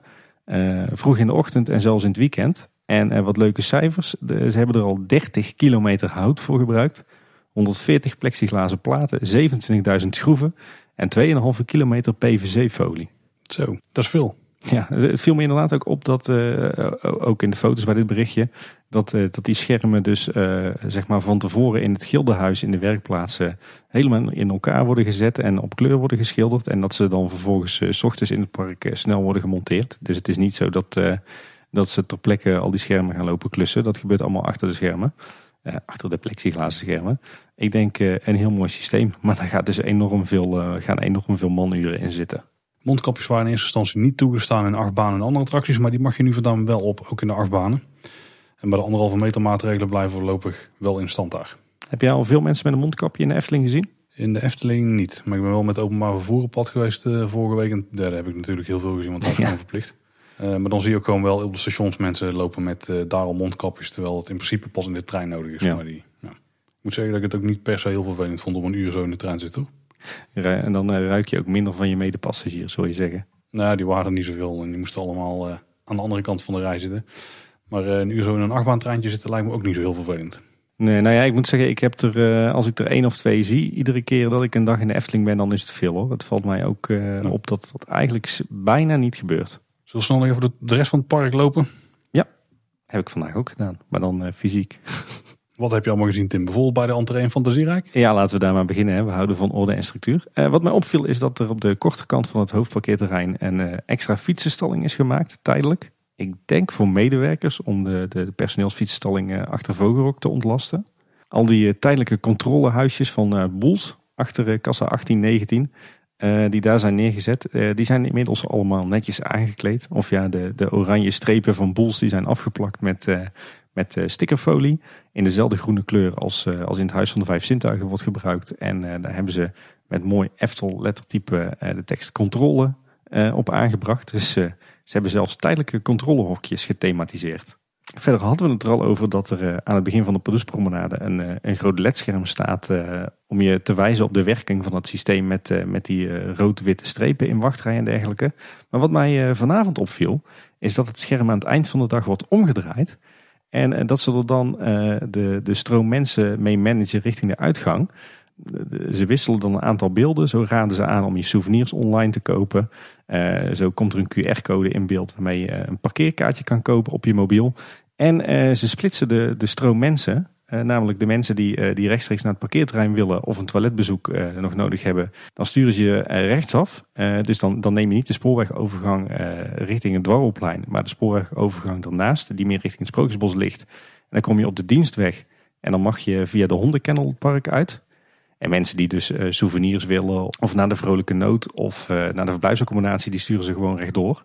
Het uh, voelt echt een beetje, beetje alsof je op een soort van festival bent, zo'n wisselend ledscherm. Ik vond het wel wat hebben, allemaal netjes in, in stijl en thema. Dus dat was, is echt top gedaan, heel, heel cool. En je noemt net die QR-code, hoorde ook van luisteraar Frank dat die ook op A4's hangen als je richting de uitgang loopt. Dan kun je online een parkeerkaart kopen. Ja. Ja, ik kreeg echt een beetje dat Pinkpop gevoel van zo'n zo'n ledscherm wat, wat er staat te draaien. Ook een beetje pijnlijk, want daar had ik dit jaar ook wel naartoe gewild. Maar goed. verder draait Aquanura als een malle om de stromen een beetje te verdelen. er zijn nu op de normale doordeweekse dagen Aquanura shows om 10 uur s ochtends, om 1 uur, om half 3 en om 4 uur. En daarna ook nog op de reguliere tijden aan het eind van de dag. Uh, dus uh, je kan je voorstellen dat de Efteling ook uh, enorm veel extra stroom kost. in Symbolica zijn inmiddels alle tours weer in gebruik. Dus ook de schattentour die tijdelijk, tijdelijk uitstond. dankzij wat aanpassingen in de techniek en de software en de besturing van de attractie... kan hij weer dusdanig draaien dat er, dat er altijd anderhalve meter afstand is tussen de verschillende fantasievaders. En dan het andere rijk, daar was de bazaar weer geopend. Dat is natuurlijk de winkel aan het eind van Fata Morgana bij de uitgang. Wat daar wel opviel is dat je weer actiefoto's kan kopen. En die actiefoto's werden natuurlijk geleverd door Pixel, maar die blijkt inmiddels overgenomen te zijn na het faillissement.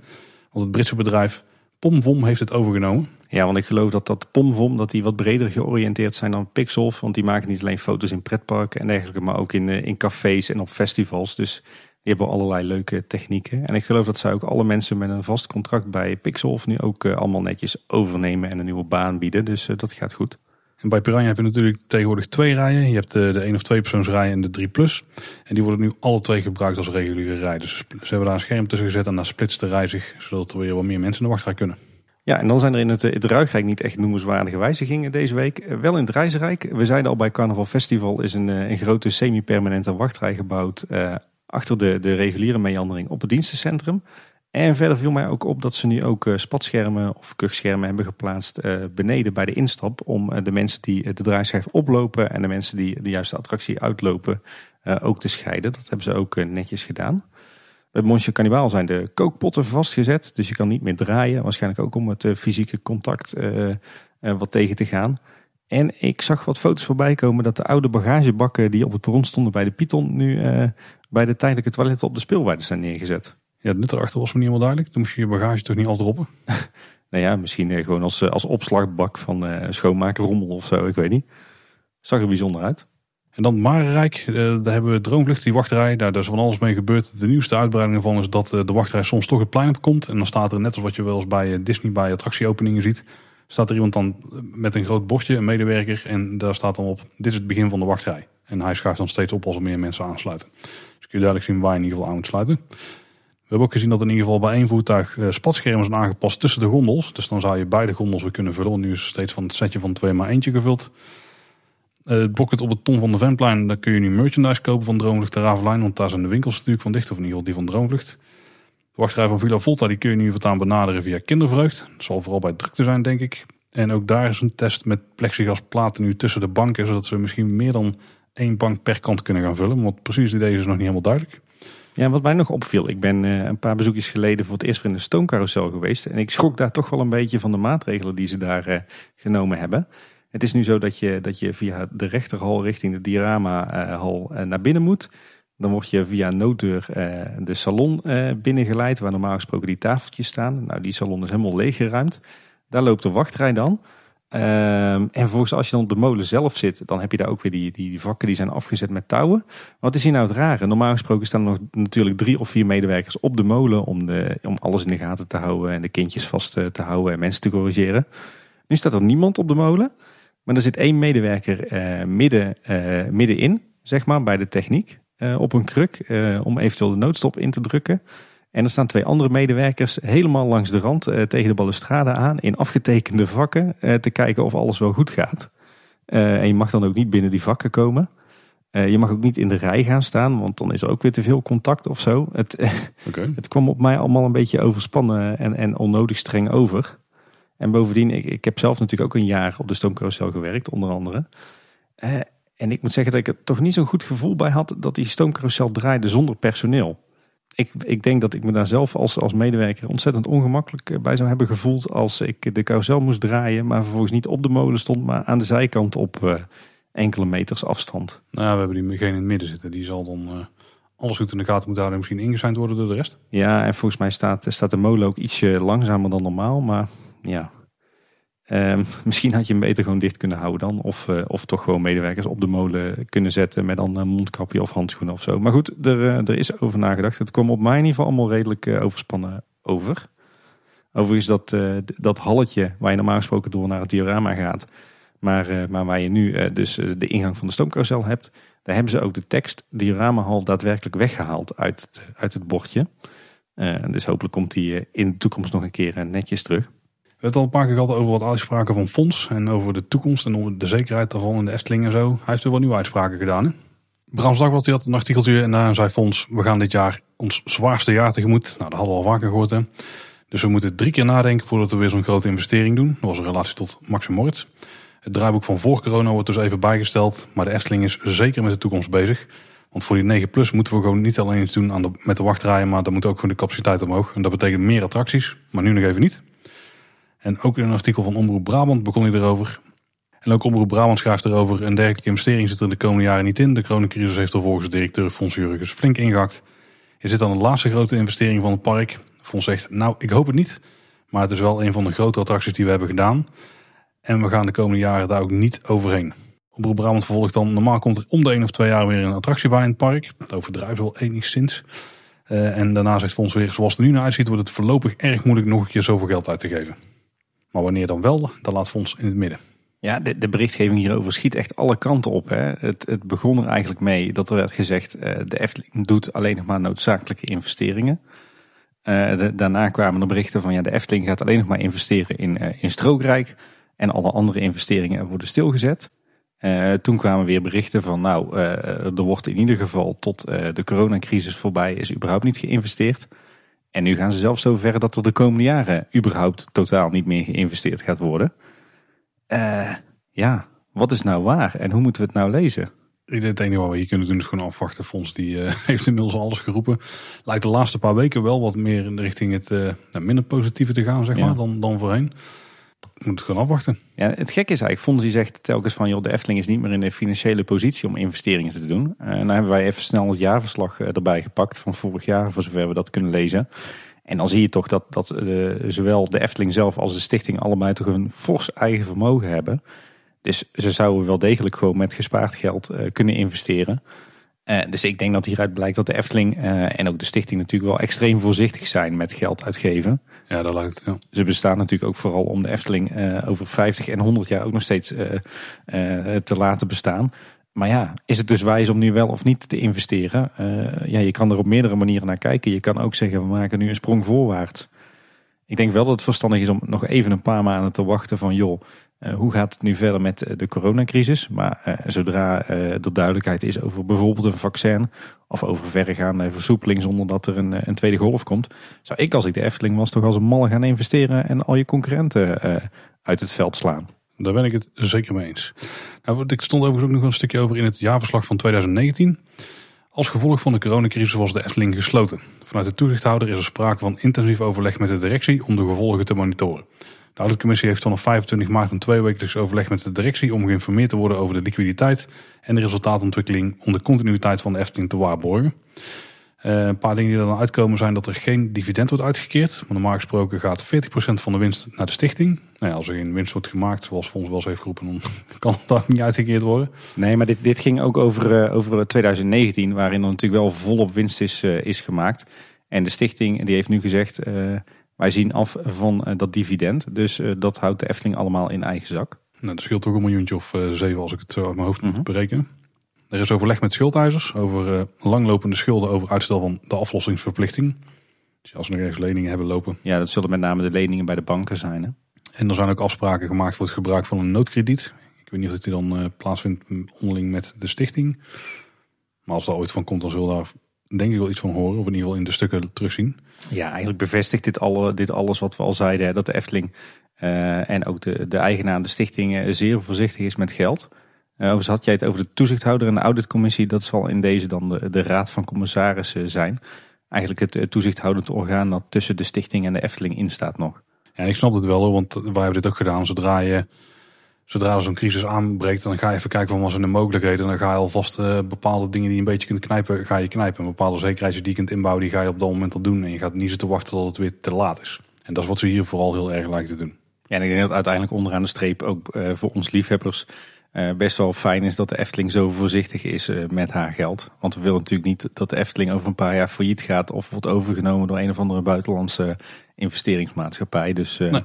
Fonds heeft groot gelijk, Fonds en Design, en dat ze, dat ze zo voorzichtig zijn, denk ik. Maar als ze maar wel niet al te lang wachten met weer investeren. Dat is nooit een goed idee in pretparkland, blijkt. Dan nog één laatste corona-puntje, Tim. Er was extreem weer op vrijdagavond 12 juni. Eh, regen en onweer. Dat bracht wel wat moeilijkheden met zich mee vanwege de coronacrisis en de maatregelen die daarmee te maken hadden. Ja, inderdaad. Nou, de, de, de week daarna was er ook nog op een aantal avonden noodweer. Flink wat regen en onweer. En uh, het leuke is dat we daar uh, voor een van de eerste keren de nieuwe omroepinstallatie van de Efteling uh, in gebruik hoorden. want er werd in vier talen omgeroepen. En de Nederlandse tekst die was Beste gasten, er is extreem weeropkomst. Zoek daarom een gebouw op om te schuilen en volg de instructies van onze medewerkers op. Maar dan een stuk fraaier uitgesproken dan dit natuurlijk. Mhm. Ik vond het wel cool. Ik moest echt denken aan uh, de, de, jaren negentig, toen wij nog als kindjes rondliepen in de Efteling. En toen je overal die, die groene roeptoeters had, die voor iedere scheet werden ingezet. Voor ieder kindje wat verdwaald was. En zelfs weet ik nog dat er eh, altijd om zes uur werd, eh, werd eh, omgeroepen dat de Efteling gesloten was en dat je naar de uitgang moest. En ik geloof dat er om kwart voor zes ook al werd omgeroepen dat de Efteling ging sluiten. Dus toen werd er om de haverklap omgeroepen. Maar al die groene roeptoeters die zijn langzaam maar zeker uit het park verdwenen. En sinds, sinds kort hebben we dus een, een volledig nieuw omroepsysteem dat het hele park dekt. met name voor calamiteiten. En dit was er dus zo eentje. Dus volgens mij is, is zo voor het eerst is dat omroepsysteem de afgelopen weken een paar keer ingezet. En dat werkte volgens mij ook prima. Had ik ook begrepen dat ze ook de app hebben ingezet met de notificatie dat er slecht weer op komst was? Oh, daar heb ik niks van gezien. Nou, misschien heb ik het me verbeeld. Zou ook een mooie uitbreiding zijn, hè? nou ze toch veel een app aan het sleutelen zijn. Ja. Wat ze bijvoorbeeld wel hebben gedaan was het Fata Morgana evenementencomplex openstellen. Want dan konden mensen daar gaan schuilen. Ja, het Fata evenementencomplex wat natuurlijk momenteel tijdelijk in gebruik is als personeelskantine. En eh, wat, wat ik ook wel opvallend vond, was dat uh, ze mensen die uh, in restaurants kwamen schuilen voorzagen van een mondkapje. Oh, netjes. Ja. En vanwege het noodweer was er ook wat gedoe rondom de sneak previews van Max en Moritz. Uh, want er zijn uiteindelijk een paar avonden geannuleerd. Maar er liep de eerste avond dat er een annulering plaatsvond niet zo heel soepel. Toen is er namelijk niks over gecommuniceerd. Want met slechte weer kon dat attractie gewoon niet open. Maar er waren wel veel mensen die gewoon uh, er naartoe waren gekomen. Die kregen bij de entree pas te horen dat ze weer om konden draaien en naar huis konden gaan. Want heel de, de previewavond ging niet door. Nou, daar is toen veel onvrede over geweest. Uh, de avond dat het daarna niet door kon gaan vanwege het weer. Toen is het allemaal wel netjes gecommuniceerd. Onder andere via social media, maar ook via mails naar alle mensen die hadden gereserveerd. En uiteindelijk hebben ze ook op uh, een, een inhaalavondje georganiseerd op 22 juni. Afgelopen maandagavond. En um, toen bleek dat het toch wel uh, dat het bijna een soort extended ride time was. Want dan mocht je ook meerdere keren in de attractie. Ja, en ik geloof dat er uh, mensen tussen zaten die misschien al wel drie of vier van dat soort avonden bezocht hadden. Dus ik denk dat iedereen nu Max en Moritz wel uit en daarna heeft kunnen uitproberen. Er kwam trouwens nog wel een leuk idee voorbij van een luisteraar van ons, van luisteraar Nick. Die uh, uit een beetje onvrede over onze mening over de probleem met de verblijfsgasten die dan uh, s'avonds voor het park moeten bijbetalen. Nou, ik heb er een beetje discussie met hem over gevoerd, maar uiteindelijk kwam er best een tof idee uit. wat als je nou de mensen die in de verblijfsaccommodaties zitten een polsbandje geeft waarmee ze bijvoorbeeld wel langer gebruik kunnen maken van, de, van in ieder geval de horeca in het park. Want dan word je niet om zes uur het park uitgeschoffeld en dan moet je hopen dat je misschien nog iets in Bosrijk of zo kunt krijgen of het Loonse Land. Maar dan kun je gewoon in het park nog je geld uitgeven. Want wat er nu waarschijnlijk gebeurt, dus ook omdat er op Bosrijk eh, beperkte capaciteit is voor de horeca, is dat mensen toch zelf eten gaan regelen of zo. En dan krijg je er als Efteling ook geen geld van. Uh, en als je dus in het park nog iets kunt eten, dan kun je één geld erop geven. En je, je breidt toch je parkuurtjes een beetje uit. Maar de attracties kun je dan verder niet meer in. Nou, hoe ze dat dan gaan controleren, dan zou iedereen een bandje moeten krijgen. Ja, dat maakt het misschien wel ingewikkeld. Maar het zou wel een soort tegemoetkoming kunnen zijn om toch uh, in ieder geval toch iets voor de mensen te doen. Dat ze nog iets meer parkuurtjes eruit kunnen slepen nog steeds het vlieg. het is een idee. Ja, ik zei de vorige keer al, ik, ik kan me ook best wel vinden in, uh, in de oplossing van de Efteling om uh, verblijfsgasten er extra voor te laten betalen. Misschien dat ze dan uh, moeten zeggen, joh, dat mag voor half geld, dus we vragen 12,50 of zo. Misschien is dat een goed compromis. Ik heb er overigens geen ophef meer over gehoord. Nou ja, we hebben er best wel feedback op gehad. En ik zal nog denken, als ze dus wel de als we nu wel de verblijfsgasten ook in de avond hadden laten komen, dan hadden ze eigenlijk weer twee uur meer Efteling gekregen per dag dan dat ze in eerste instantie beloofd was. Dus dan was dat dan in één keer wel goed. Tuurlijk, want je krijgt meer waar voor je geld. Ja. Maar dat was natuurlijk het resultaat geweest dan. Nou ja, misschien dat, dat het daarom een goede is om te zeggen van joh, uh, mensen die alleen die vier uurtjes komen met, met een apart ticket, die betalen 25 euro. En zit je in een verblijfsaccommodatie, dan mag je ook komen en dan betaal je 12,50. Ja, ik zou het ook best een aardige oplossing vinden. Ja. Ja. Ik zag nog een berichtje voorbij komen dat er dan eh, een groep was van 24 man. En die moesten dan al 24 keer 25 euro bijbetalen. Ja, maar dat is per man natuurlijk nog steeds gewoon 25 euro. Dus er verandert dan niet zo heel veel aan de zaak. Als je met 200 man de huisjes hebt geboekt, ja, dan moet je 200 keer 25 euro betalen. Ja, dus niet per se vervelender dan dat één iemand te moet doen. Ja. Uh, maar dat zeiden Tim, we zijn er eigenlijk in heel terrein qua corona. Zullen we naar het onderhoud gaan?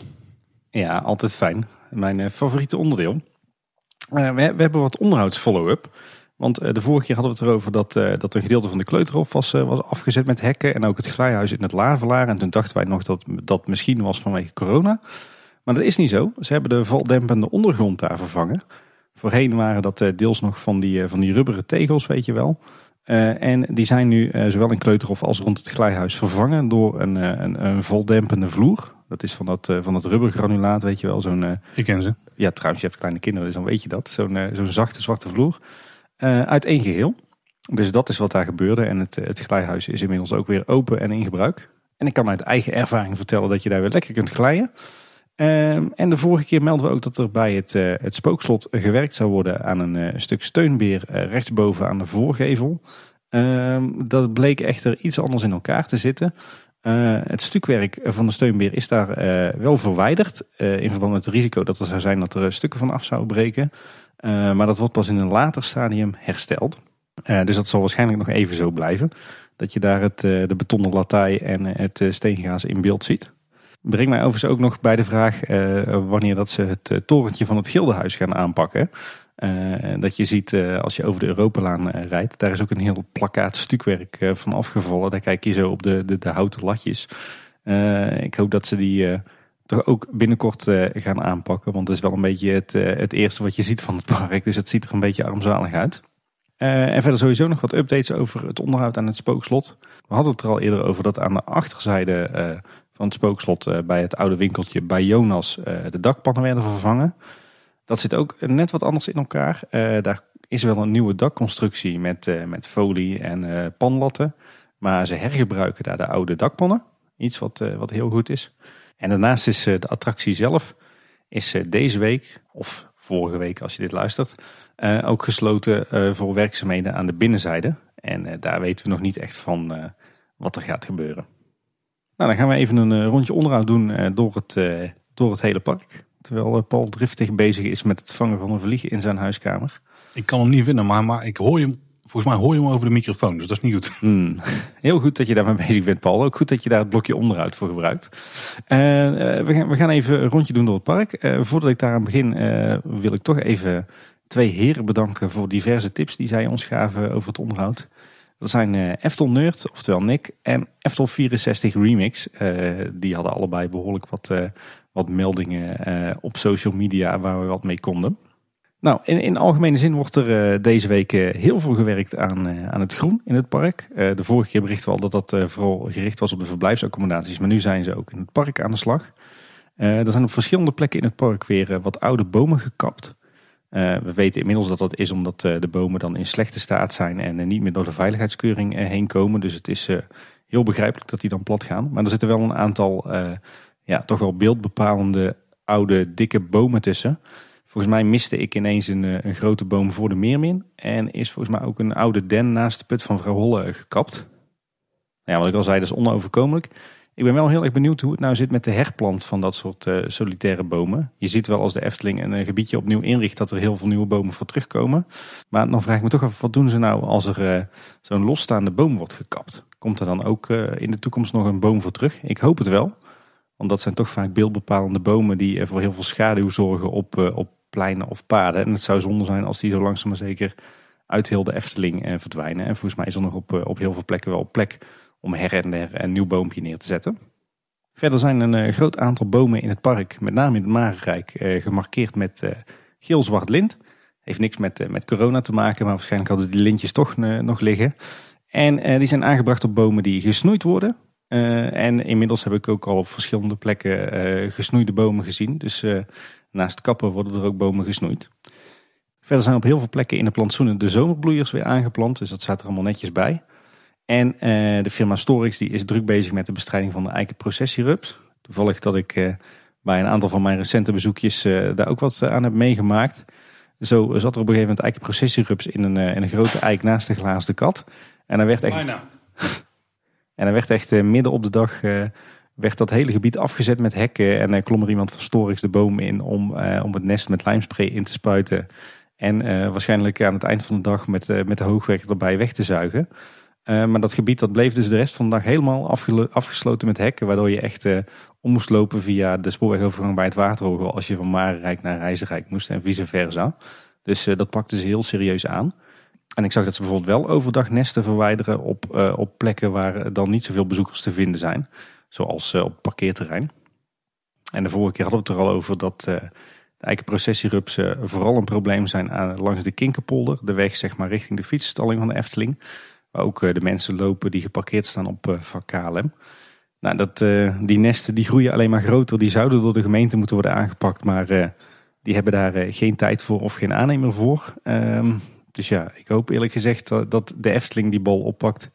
En daar ook nog een stukje uh, eigen proces hier eh, bestrijdt. Ehm, want, ja, want ja, ze hebben het nu eh, heel erg goed voor elkaar in het park zelf.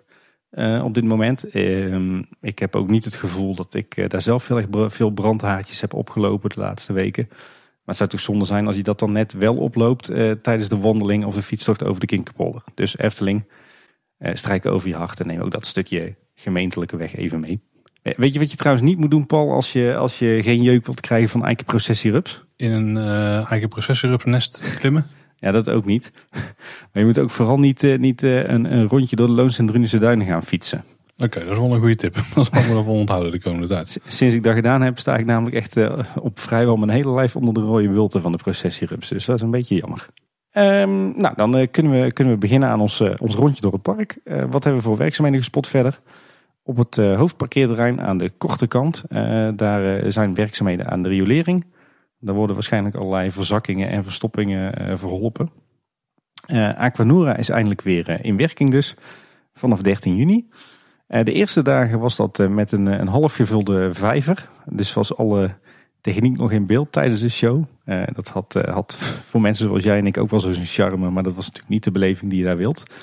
Maar uiteindelijk na een paar dagen tijd was de vijver weer volledig gevuld. Ik heb wel het idee dat er nog aan diverse onderdelen onderhoud werd uitgevoerd terwijl de show al draaide. Uh, verder hadden we het eerder al over dat er in de hoek tussen theater en de Fata Morgana uh, uh, wat graafwerkzaamheden waren. daar zit volgens mij ook zo'n inlaat van het klaterwatersysteem. Um, daar is allerlei nieuw leidingwerk aangelegd, wat ook helemaal de vijver inloopt. En inmiddels hebben ze al die sleuven die ze daarvoor hebben gemaakt en ook gaten in het straatwerk weer helemaal dichtgemaakt. ik heb wel gezien dat ze ook een nieuwe pompput hebben gemetseld daar. Dus waarschijnlijk hebben ze daar toch iets gemaakt voor uh, de, de circulatie in de vijver. Zodat ze niet meer die problemen hebben met uh, de blauwalg zoals uh, vorig jaar. Wat me verder nog opviel in Fantasierijk is dat de watertafel, hè, met dat, al dat springende water op de Paduspromenade, dat die nu hele, van die hele mooie natuurstenen tegeltjes heeft gekregen met daarop de, de pictogrammetjes geen drinkwater. Echt super deluxe uitgevoerd. En als we dan het andere rijk inlopen, dan hebben we nog een, eh, lijstje met updates van de Fata Morgana. Want de geureffecten die staan weer aan in de attractie. De projectie van de verboden stad in de eerste jungle, die werkt helaas nog steeds niet. de verlichting bij de tweede tovenaar, de kalif, die is niet meer blauw. Zoals de, de laatste tijd het geval was, maar nu weer een beetje wit-groen. zoals de originele kleur inderdaad is. De, de animatronic, of de, de, de persoon in de troonzaal die, die met een kaal hoofd rondliep, die heeft inmiddels weer een, een hoofddeksel. Een ves, zoals dat dan officieel heet. En een van de kattenogen in de, de kantelkamer, die is defect. We hebben de laatste tijd ook wel berichten gekregen dat het de Vliegende Hollander niet echt heel netjes bij ligt. Zo zouden op diverse plekken in de scènes en in de wachtrij geen muziek meer te horen zijn. Dat is vervelend, dat is een van de, van de goede punten van die attractie. En dat zou al sinds de heropening dit jaar zijn. Ik heb inderdaad al van meerdere mensen sinds dat moment gehoord. Dus daar moet er eens even goed naar gekeken worden. Ja, verder nog een mooi klein puntje is uh, de Wensbron tussen Rijsrijk en Ruigrijk. En daar had je zo'n mooie plaketten met daarin een uh, tekst die was, was uitgesneden uit het, het staal. Maar daar vielen telkens stukjes van weg. En de letters die waren uitgesneden in die plaketten. Maar daar vielen telkens stukjes van af. En inmiddels hangt er een nieuwe plaketten en uh, die tekst dat is uh, nu gewoon een zeefdruk. Dus dat kan er niet meer van afvallen. Dan is Monsieur Cannibal weer open na een korte, korte periode van onderhoud. We zijn er zelf vandaag toevallig ook weer even in geweest. wat is er gebeurd? Ehm, er zijn een aantal vlonderplanken in de meandering vervangen. De vijver is weer eens een keer schoongemaakt. En er heeft dat onderhoud plaatsgevonden in de kelder onder de attractie. Daar, eh, daar hing een hele tijd eh, een afzuiging op. Dus wellicht dat er is gelast aan de constructie of dat er een coating is aangebracht. In ieder geval iets technisch. Uh, verder esthetisch is er niet heel veel gebeurd. Want het viel mij bijvoorbeeld op vandaag dat, het, dat er met het schilderwerk van de kookpotten bijvoorbeeld niks is gebeurd. Ondanks beschadigingen. Dus het was een klein technisch onderhoudsbeurtje denk ik.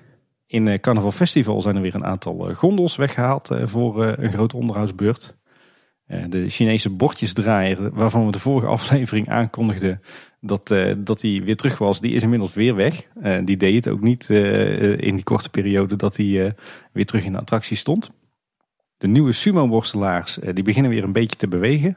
In ieder geval draait het hoofd van een van die sumo-worstelaars en ze gaan ook weer een beetje op en neer. Maar ik denk dat het nog wat soepeler moet worden allemaal. Het, het rubber daar, dat zal nog wel een beetje stroef zijn. Wat mij trouwens ook opviel, uh, is dat het gebouw uh, opvallend koel blijft. We hebben natuurlijk aardig wat uh, warme dagen gehad al de afgelopen weken. en normaal gesproken was Carnaval Festival dan echt zo'n broeikas. Maar de laatste keer dat ik erin ging, dacht ik van... Vrek, wat is het hier lekker koel eigenlijk. Nou, dat hebben ze dan goed voor elkaar. Mooi. Een groot voordeel van die, van die LED-verlichting die ze nu hebben hangen. Hè? Bij Vogelrok daar hebben ze ook de verlichting op het einde meandering nou gefixt. Die is voor het aan gewoon helder wit. Nou, de molen van het Larikoekhuis die werkt ook weer. Maar die zal weer over drie weken kapot zijn. En dan kunnen we over twee maanden weer melden dat hij weer werkt. Ja, en, en iedere keer dan... Uh, het, is een beetje een terugkerend element in onze, in onze aflevering. Hè? Want iedere keer krijgen we ook van luisteraars trots de melding dat hij het wel weer doet of niet meer doet. Misschien is het gewoon echt een knopje wat iemand vergeet aan te zetten af en toe. Dat zou ook nog kunnen, ja.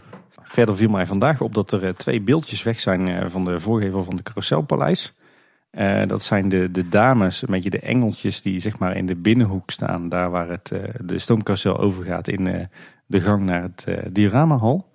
Niet dus die hele grote beelden van die, beetje die Egyptische vrouw in die rode jurken. Maar net die nog wat verder weg zitten. Die, zeg maar, die engeltjes met, met zo'n spiegeltje in de hand.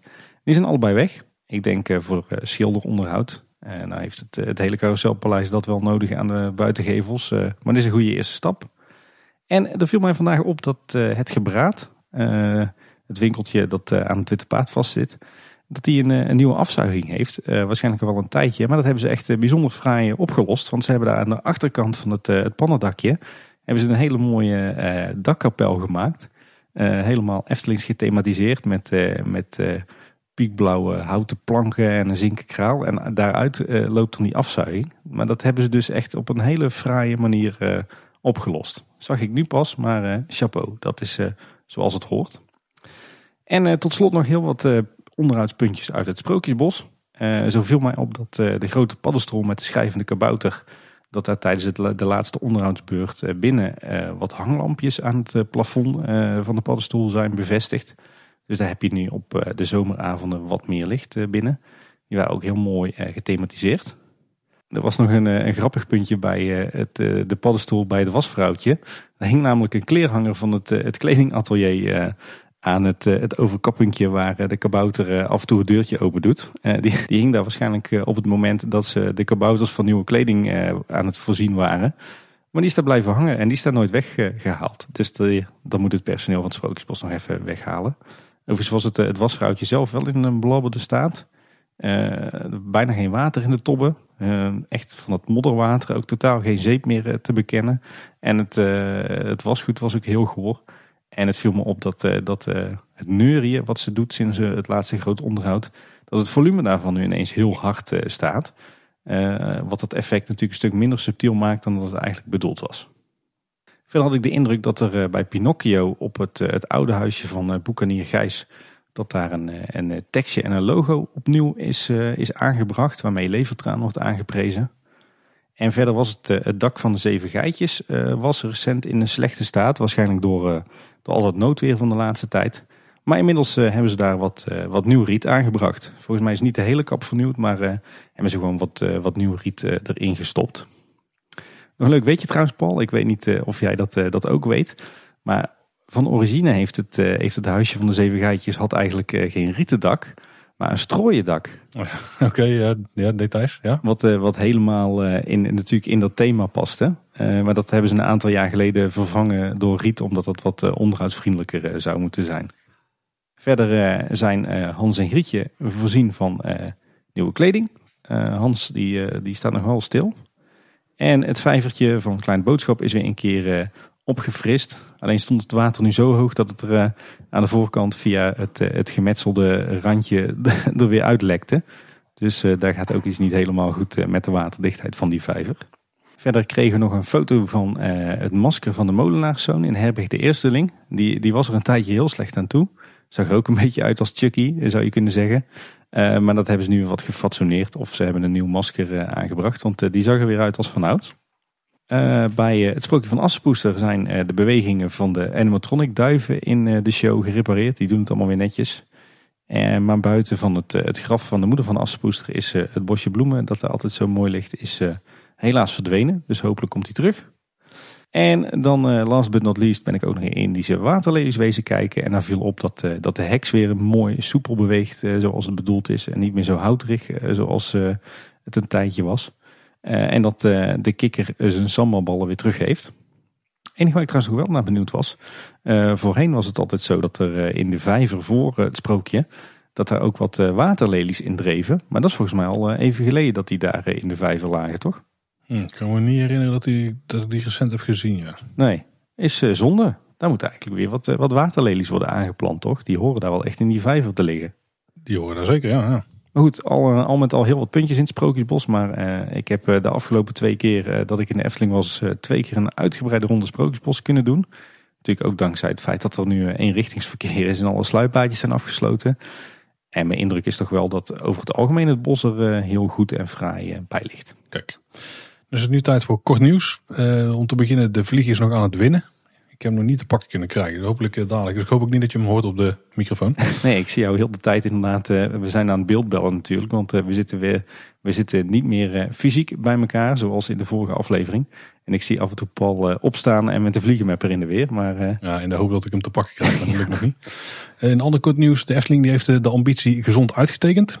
En dat is een van de eerste tien Nederlandse dagattracties. En die ambitie die spreekt wat, wat positieve zaken uit op het gebied van uh, voeding. Dus dat je ruime keuze voor iedereen hebt en uh, lekker en gezonde opties. Nou, wat het waard is binnen de Efteling gaan we nog meemaken. Ze hebben natuurlijk wel een paar uh, gezonde opties of, of, plekken waar ze heel erg uit dragen. Maar heel veel van de daggasten die nu komen, die gaan natuurlijk nog gewoon het frietje en de frikandel. Of de kleffe barmeschuit in. Ja. Maar ik denk dat we daar vast nog meer van gaan horen in de toekomst. Ja, dan was er een, een twitteraar. Dit ben ik 17. een een klinkende naam. En die had eh, op Twitter wat luchtfoto's gezet van eh, de hele wereld van de Efteling. Uit 2005, 2013 en de jaren 2015 tot en met 2019. Dus zeven of acht foto's in totaal. Was heel gaaf om, te, om het park en de verblijfsaccommodaties zich te zien ontwikkelen in de loop der jaren. En we zullen de linkjes even in onze show notes plaatsen. Dan kan je die luchtfoto's ook bewonderen. En de vacatures beginnen ook weer een beetje op gang te komen. Ja, er, eh, ze zoeken momenteel een medewerker salarisadministratie. En uh, voor HR zoeken ze een adviseur leren en ontwikkelen. Dus dan ga je je bezighouden met, uh, met alle cursussen en trainingen die het Efteling personeel mogen volgen. Er zijn ook een hoop nieuwe desserts aangekondigd voor de Hoffelijke Route. Tussen het restaurant en de Efteling Hotel. En er zitten best wel toffe dingen tussen, Tim. Zo'n heel erg mooi vormgegeven ja, desserts. waaronder een sprookjesboom, een schatkist, een betoverde appel en een paddenstoel. En die worden allemaal gemaakt door middel van zelfgemaakte mallen en geserveerd. En alle ingrediënten zijn eetbaar. Er worden volgens mij ook dingen in toegepast als uh, pluimpjes van een uh, suikerspin. Het ziet er eh, schitterend uit. Het zijn echt van die kunstwerkjes op een bord, weet je wel, die je eigenlijk niet durft op te eten. Ja, en dit zou eigenlijk wel perfect zijn geweest om, om een bonusaflevering over te maken waar we ze allemaal gaan proeven. Maar we mogen nu niet naar binnen in het hotel. Nee. Want alleen gasten die kunnen eten bij de Hoffelijke op dit moment. Maar we kunnen wel genieten van alle nieuwe toetjes. want er staat een uitgebreid artikel over op de Efteling blog. Met ook eh, wat mooie foto's waar je van gaat watertanden. En, en daar staat ook uitgebreid bij uh, welke ingrediënten ze allemaal gebruiken. En dat is behoorlijk creatief. Maar zonder proeven is het niks waard voor ons natuurlijk. dat is waar. En dan zijn er nog wat kleine merchandise dingen. We hebben natuurlijk al een hoop belicht net van Max Moritz. Maar er is ook een miniatuur van de Zes Zwanen met licht en geluid. Kost 120 euro, maar het ziet er best fraai uit op de foto's die ik ervan heb gezien. Ja, een aantal van onze luisteraars waren behoorlijk enthousiast inderdaad. Niemand die hem eh, heeft. Dus nog even afwachten of dat er ook lijmrest op zit. Ik hoop dat hij netjes is afgewerkt dit keer. Ja, inderdaad. En uh, verder weer nieuws van Leon Weterings op YouTube deze keer. Ehm, hij had natuurlijk al een, een, compilatie van seizoen 1983 van Talent Zee in de Lucht op YouTube gezet. Met heel veel mooie beelden uit de Efteling. Inmiddels heeft hij ook de beelden van een compilatie van seizoen 1988 online gezet. Uh, dat seizoen dat speelde zich wederom af in de Efteling op de Vondelplas. Dus daar zien we weer veel beelden van. Deze keer met Fata Morgana. Uh, maar ook heel veel luchtbeelden van het park. En uh, natuurlijk ook beelden van de Trollenkoning die dat jaar net nieuw was. Ook weer heel interessant om te kijken. En we zullen de link naar dat YouTube filmpje even in onze show notes knallen. En last but not least meer YouTube nieuws. Want er is weer een nieuwe Yoki video. Met als thema Jee. zwembadje. Ah, dat is wel toepasselijk voor deze week. Ja, wij hebben hem thuis al gekeken. En dan ook dit, in. Ja, wat ik al zei, eh, we zijn eh, afgelopen weekend weer een keer naar Toverland geweest. We mochten dan nog een keer gratis terug, omdat we de vorige keer dat we daar waren, alle buitenattracties dicht waren vanwege noodweer. Uh, ik moet zeggen, weer een hele leuke dag gehad. Viel me wederom op dat het personeel van Toverland echt ontzettend vriendelijk en behulpzaam is. Ik vond ook het groen in Toverland er bijzonder mooi bij staan. heel erg uitbundig en wilderig. heel veel bloemen ook. Dus dat, dat benadert echt wel de kwaliteit van het groen in de Efteling. Dat doen ze daar echt heel goed. En uh, Phoenix is natuurlijk echt een uh, sublieme baan. Uh, er stond overigens ook bijna geen wachttijd. Dus die konden Anne en ik om de beurt gewoon doen. terwijl de ander bij de kinderen bleef. Chill, chill, chill. ja. ook aardig wat maatregelen in het park vanwege het coronavirus. Um, wel allemaal net wat minder streng en net wat minder professioneel dan in de Efteling. Dus veel daar nog met tape afgetekend op de vloer en allemaal net niet erg duidelijk. Um, maar waar ik me daar met name stoorde was toch aan het gedrag van de bezoekers. Het leek erop alsof de mensen daar toch uh, nog minder dan in de Efteling zich hielden aan de regels. Want uh, ik heb uh, heel vaak die dag mensen moeten wegjagen omdat ze binnen die anderhalve meter stonden bij mijn gezinnetje. Zeker ook in de wachtrijen. En opvallend genoeg ook heel vaak juist Belgische en Duitse gasten. Die, die lijken zich echt helemaal nergens van na te trekken. Terwijl daar de regels nog strenger zijn dan hier eigenlijk. Die denken we gaan in Nederland tot daar eens lekker laksen. Of allee. Dat je in de rij staat, ja.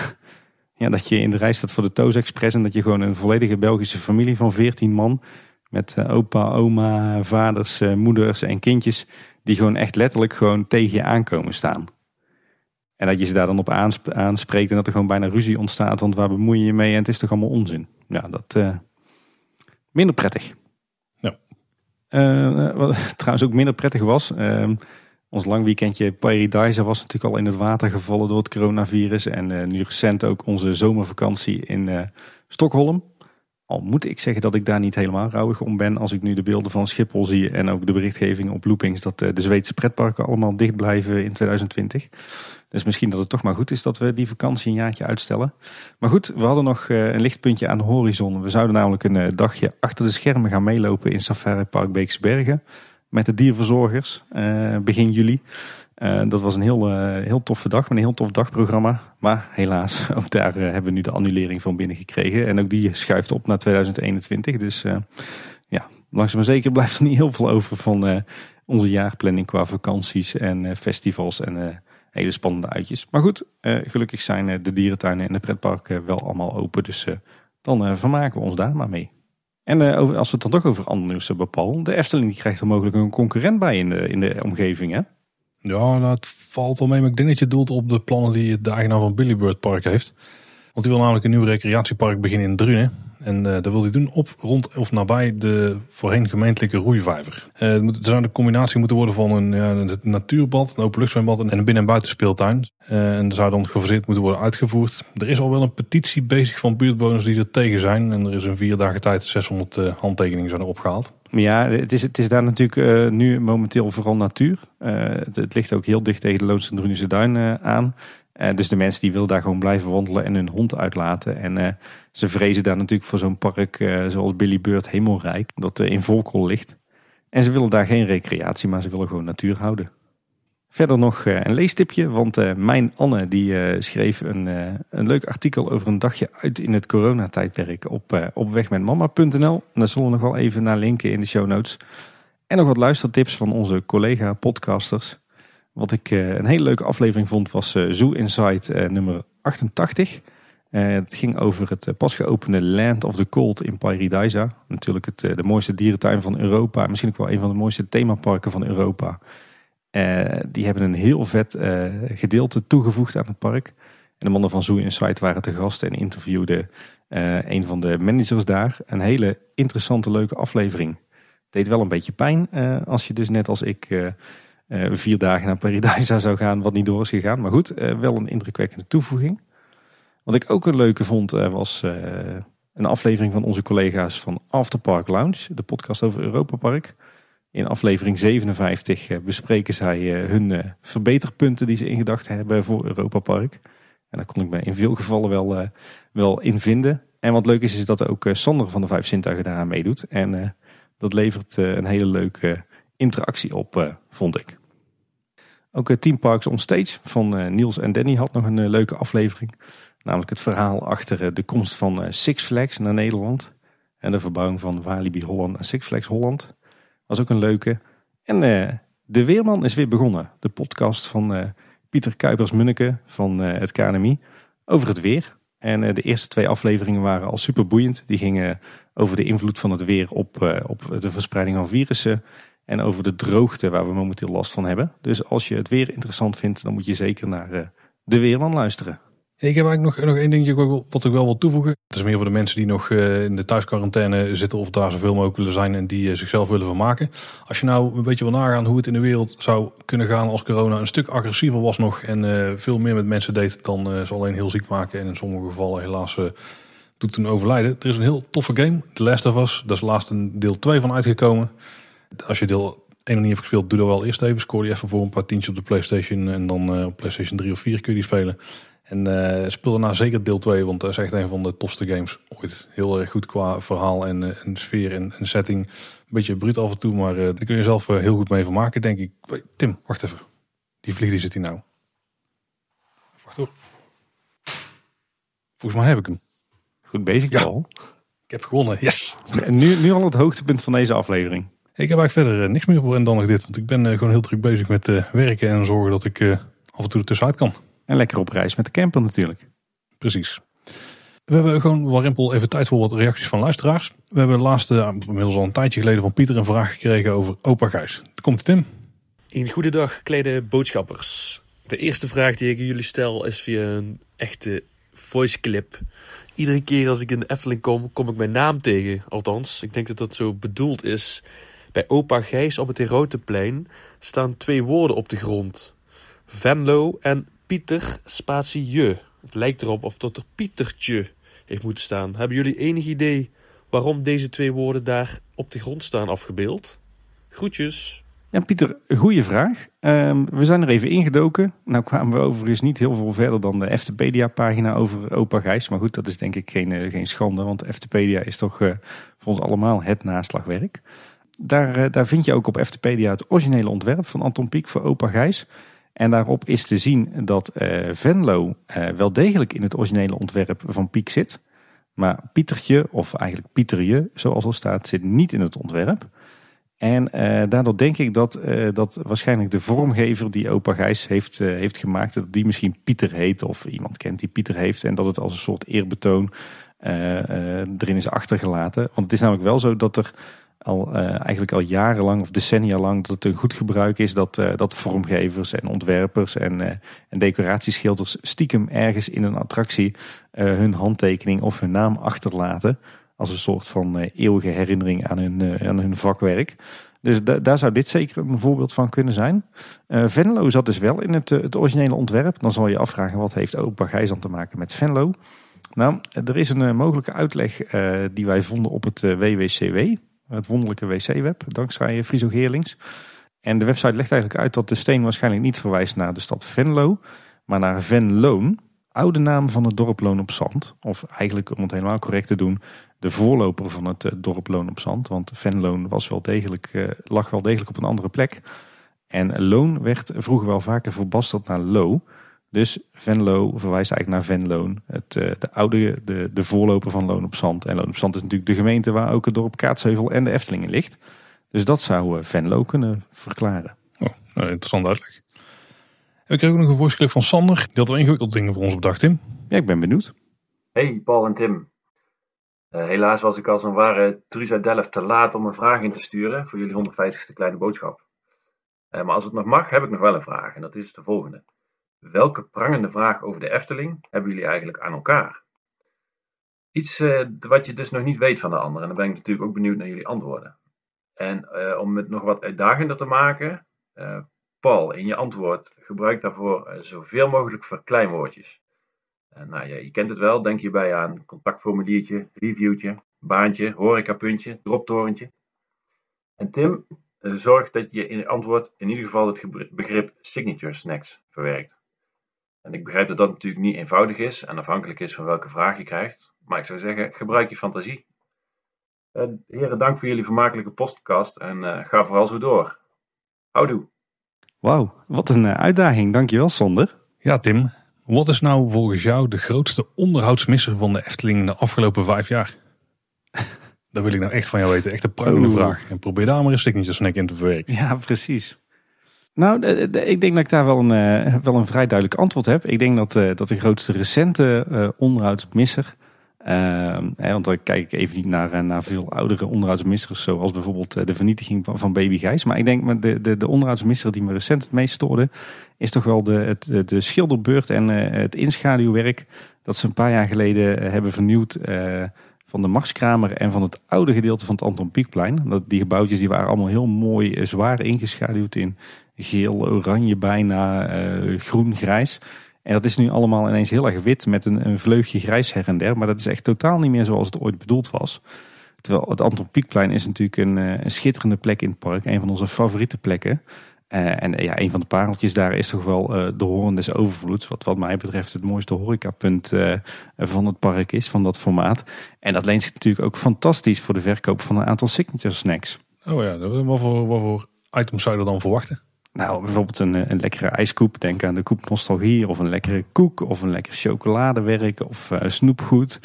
Eh, met een, eh, een link met de Efteling. Hè? Dus echt een, eh, echt een goede signature snack zoals we die ook kennen van Disney en dergelijke. Maar ik denk dat die wordt goed gekeurd door Sander. Ja, ik hoop het ook.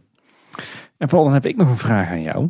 Want jij loopt eh, altijd maar te zeiken en te zaniken over Carnaval Festival. Dat het een attractie is en dat je er niks mee hebt en dat je de neusgaten uitkomt. Maar wat moet er nou volgens jou gebeuren aan Carnaval Festival om ervoor te zorgen dat het echt een Eftelingse attractie wordt waar jij met plezier in gaat? En dan wil ik dus zoveel mogelijk verklein worden. Ja, het zit hem wel een beetje, denk ik, in de vormgeving van de poppetjes die je overal ziet in de scènetjes daar binnen het eh, attractiegebouwtje. En eh, ook wel een beetje het wachtrijtje wat voor het gebouwtje dan, eh, voordat je het opstaphalletje binnenkomt. Want je gaat dan het trapje op, maar daarvoor is het eigenlijk maar één dode, ja, ik zou zeggen, een kleine bende.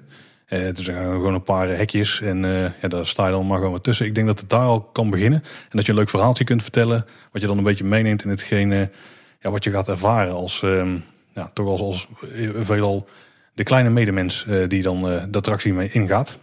Nou, ik had inmiddels al 15 plekken meer het woord kunnen gebruiken, denk ik. Ik heb ook maar twee keer signature snack, hè? dus Nee, maar maak er nou een verhaaltje van dat je eh, in het begin langs een scènetje komt waarbij dan een gezinnetje zit eh, die, dan, die het heel zwaar hebben.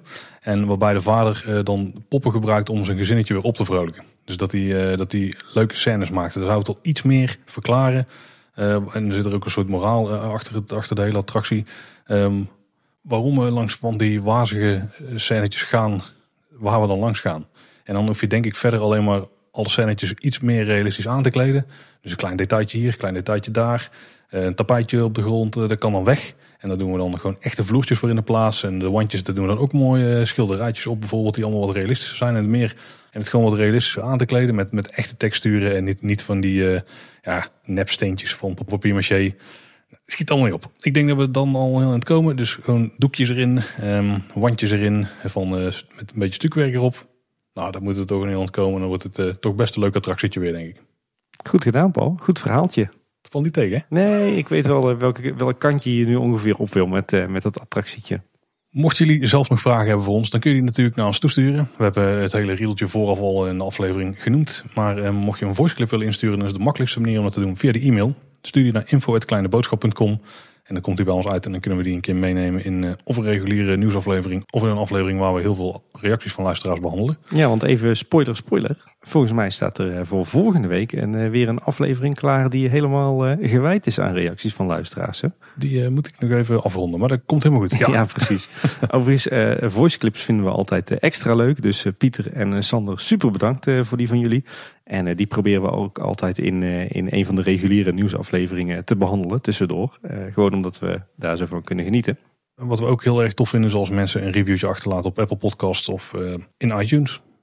Als het nog bestaat trouwens. Volgens mij is het tegenwoordig de podcast app op macOS. Maar dat terzijde. Tim, ik heb niks meer te melden voor deze week. Nee, nou ja, ik hoop vooral dat onze luisteraars er nu toch weer van overtuigd zijn dat wij een positief kritische podcast over de Efteling zijn. Met eh, gematigde, uitgebalanceerde meningen, eh, die, eh, waarin we plus- en minpunten behandelen. En niet de zure zeik-podcast zoals we deze week toch wel leken op loopings. Daar heb ik toch best wel een beetje van wakker gelegen, moet ik toegeven. En ik hoop dat, dat nu ook duidelijk is dat we het echt niet alleen voor en door abonnementhouders doen. En met die gedachte ga ik lekker naar bed. Dat was het dan voor deze week. Bedankt voor het luisteren. Tot de volgende keer. En houdoe. Houdoe waar. Oh, nou zit er weer een vlieg.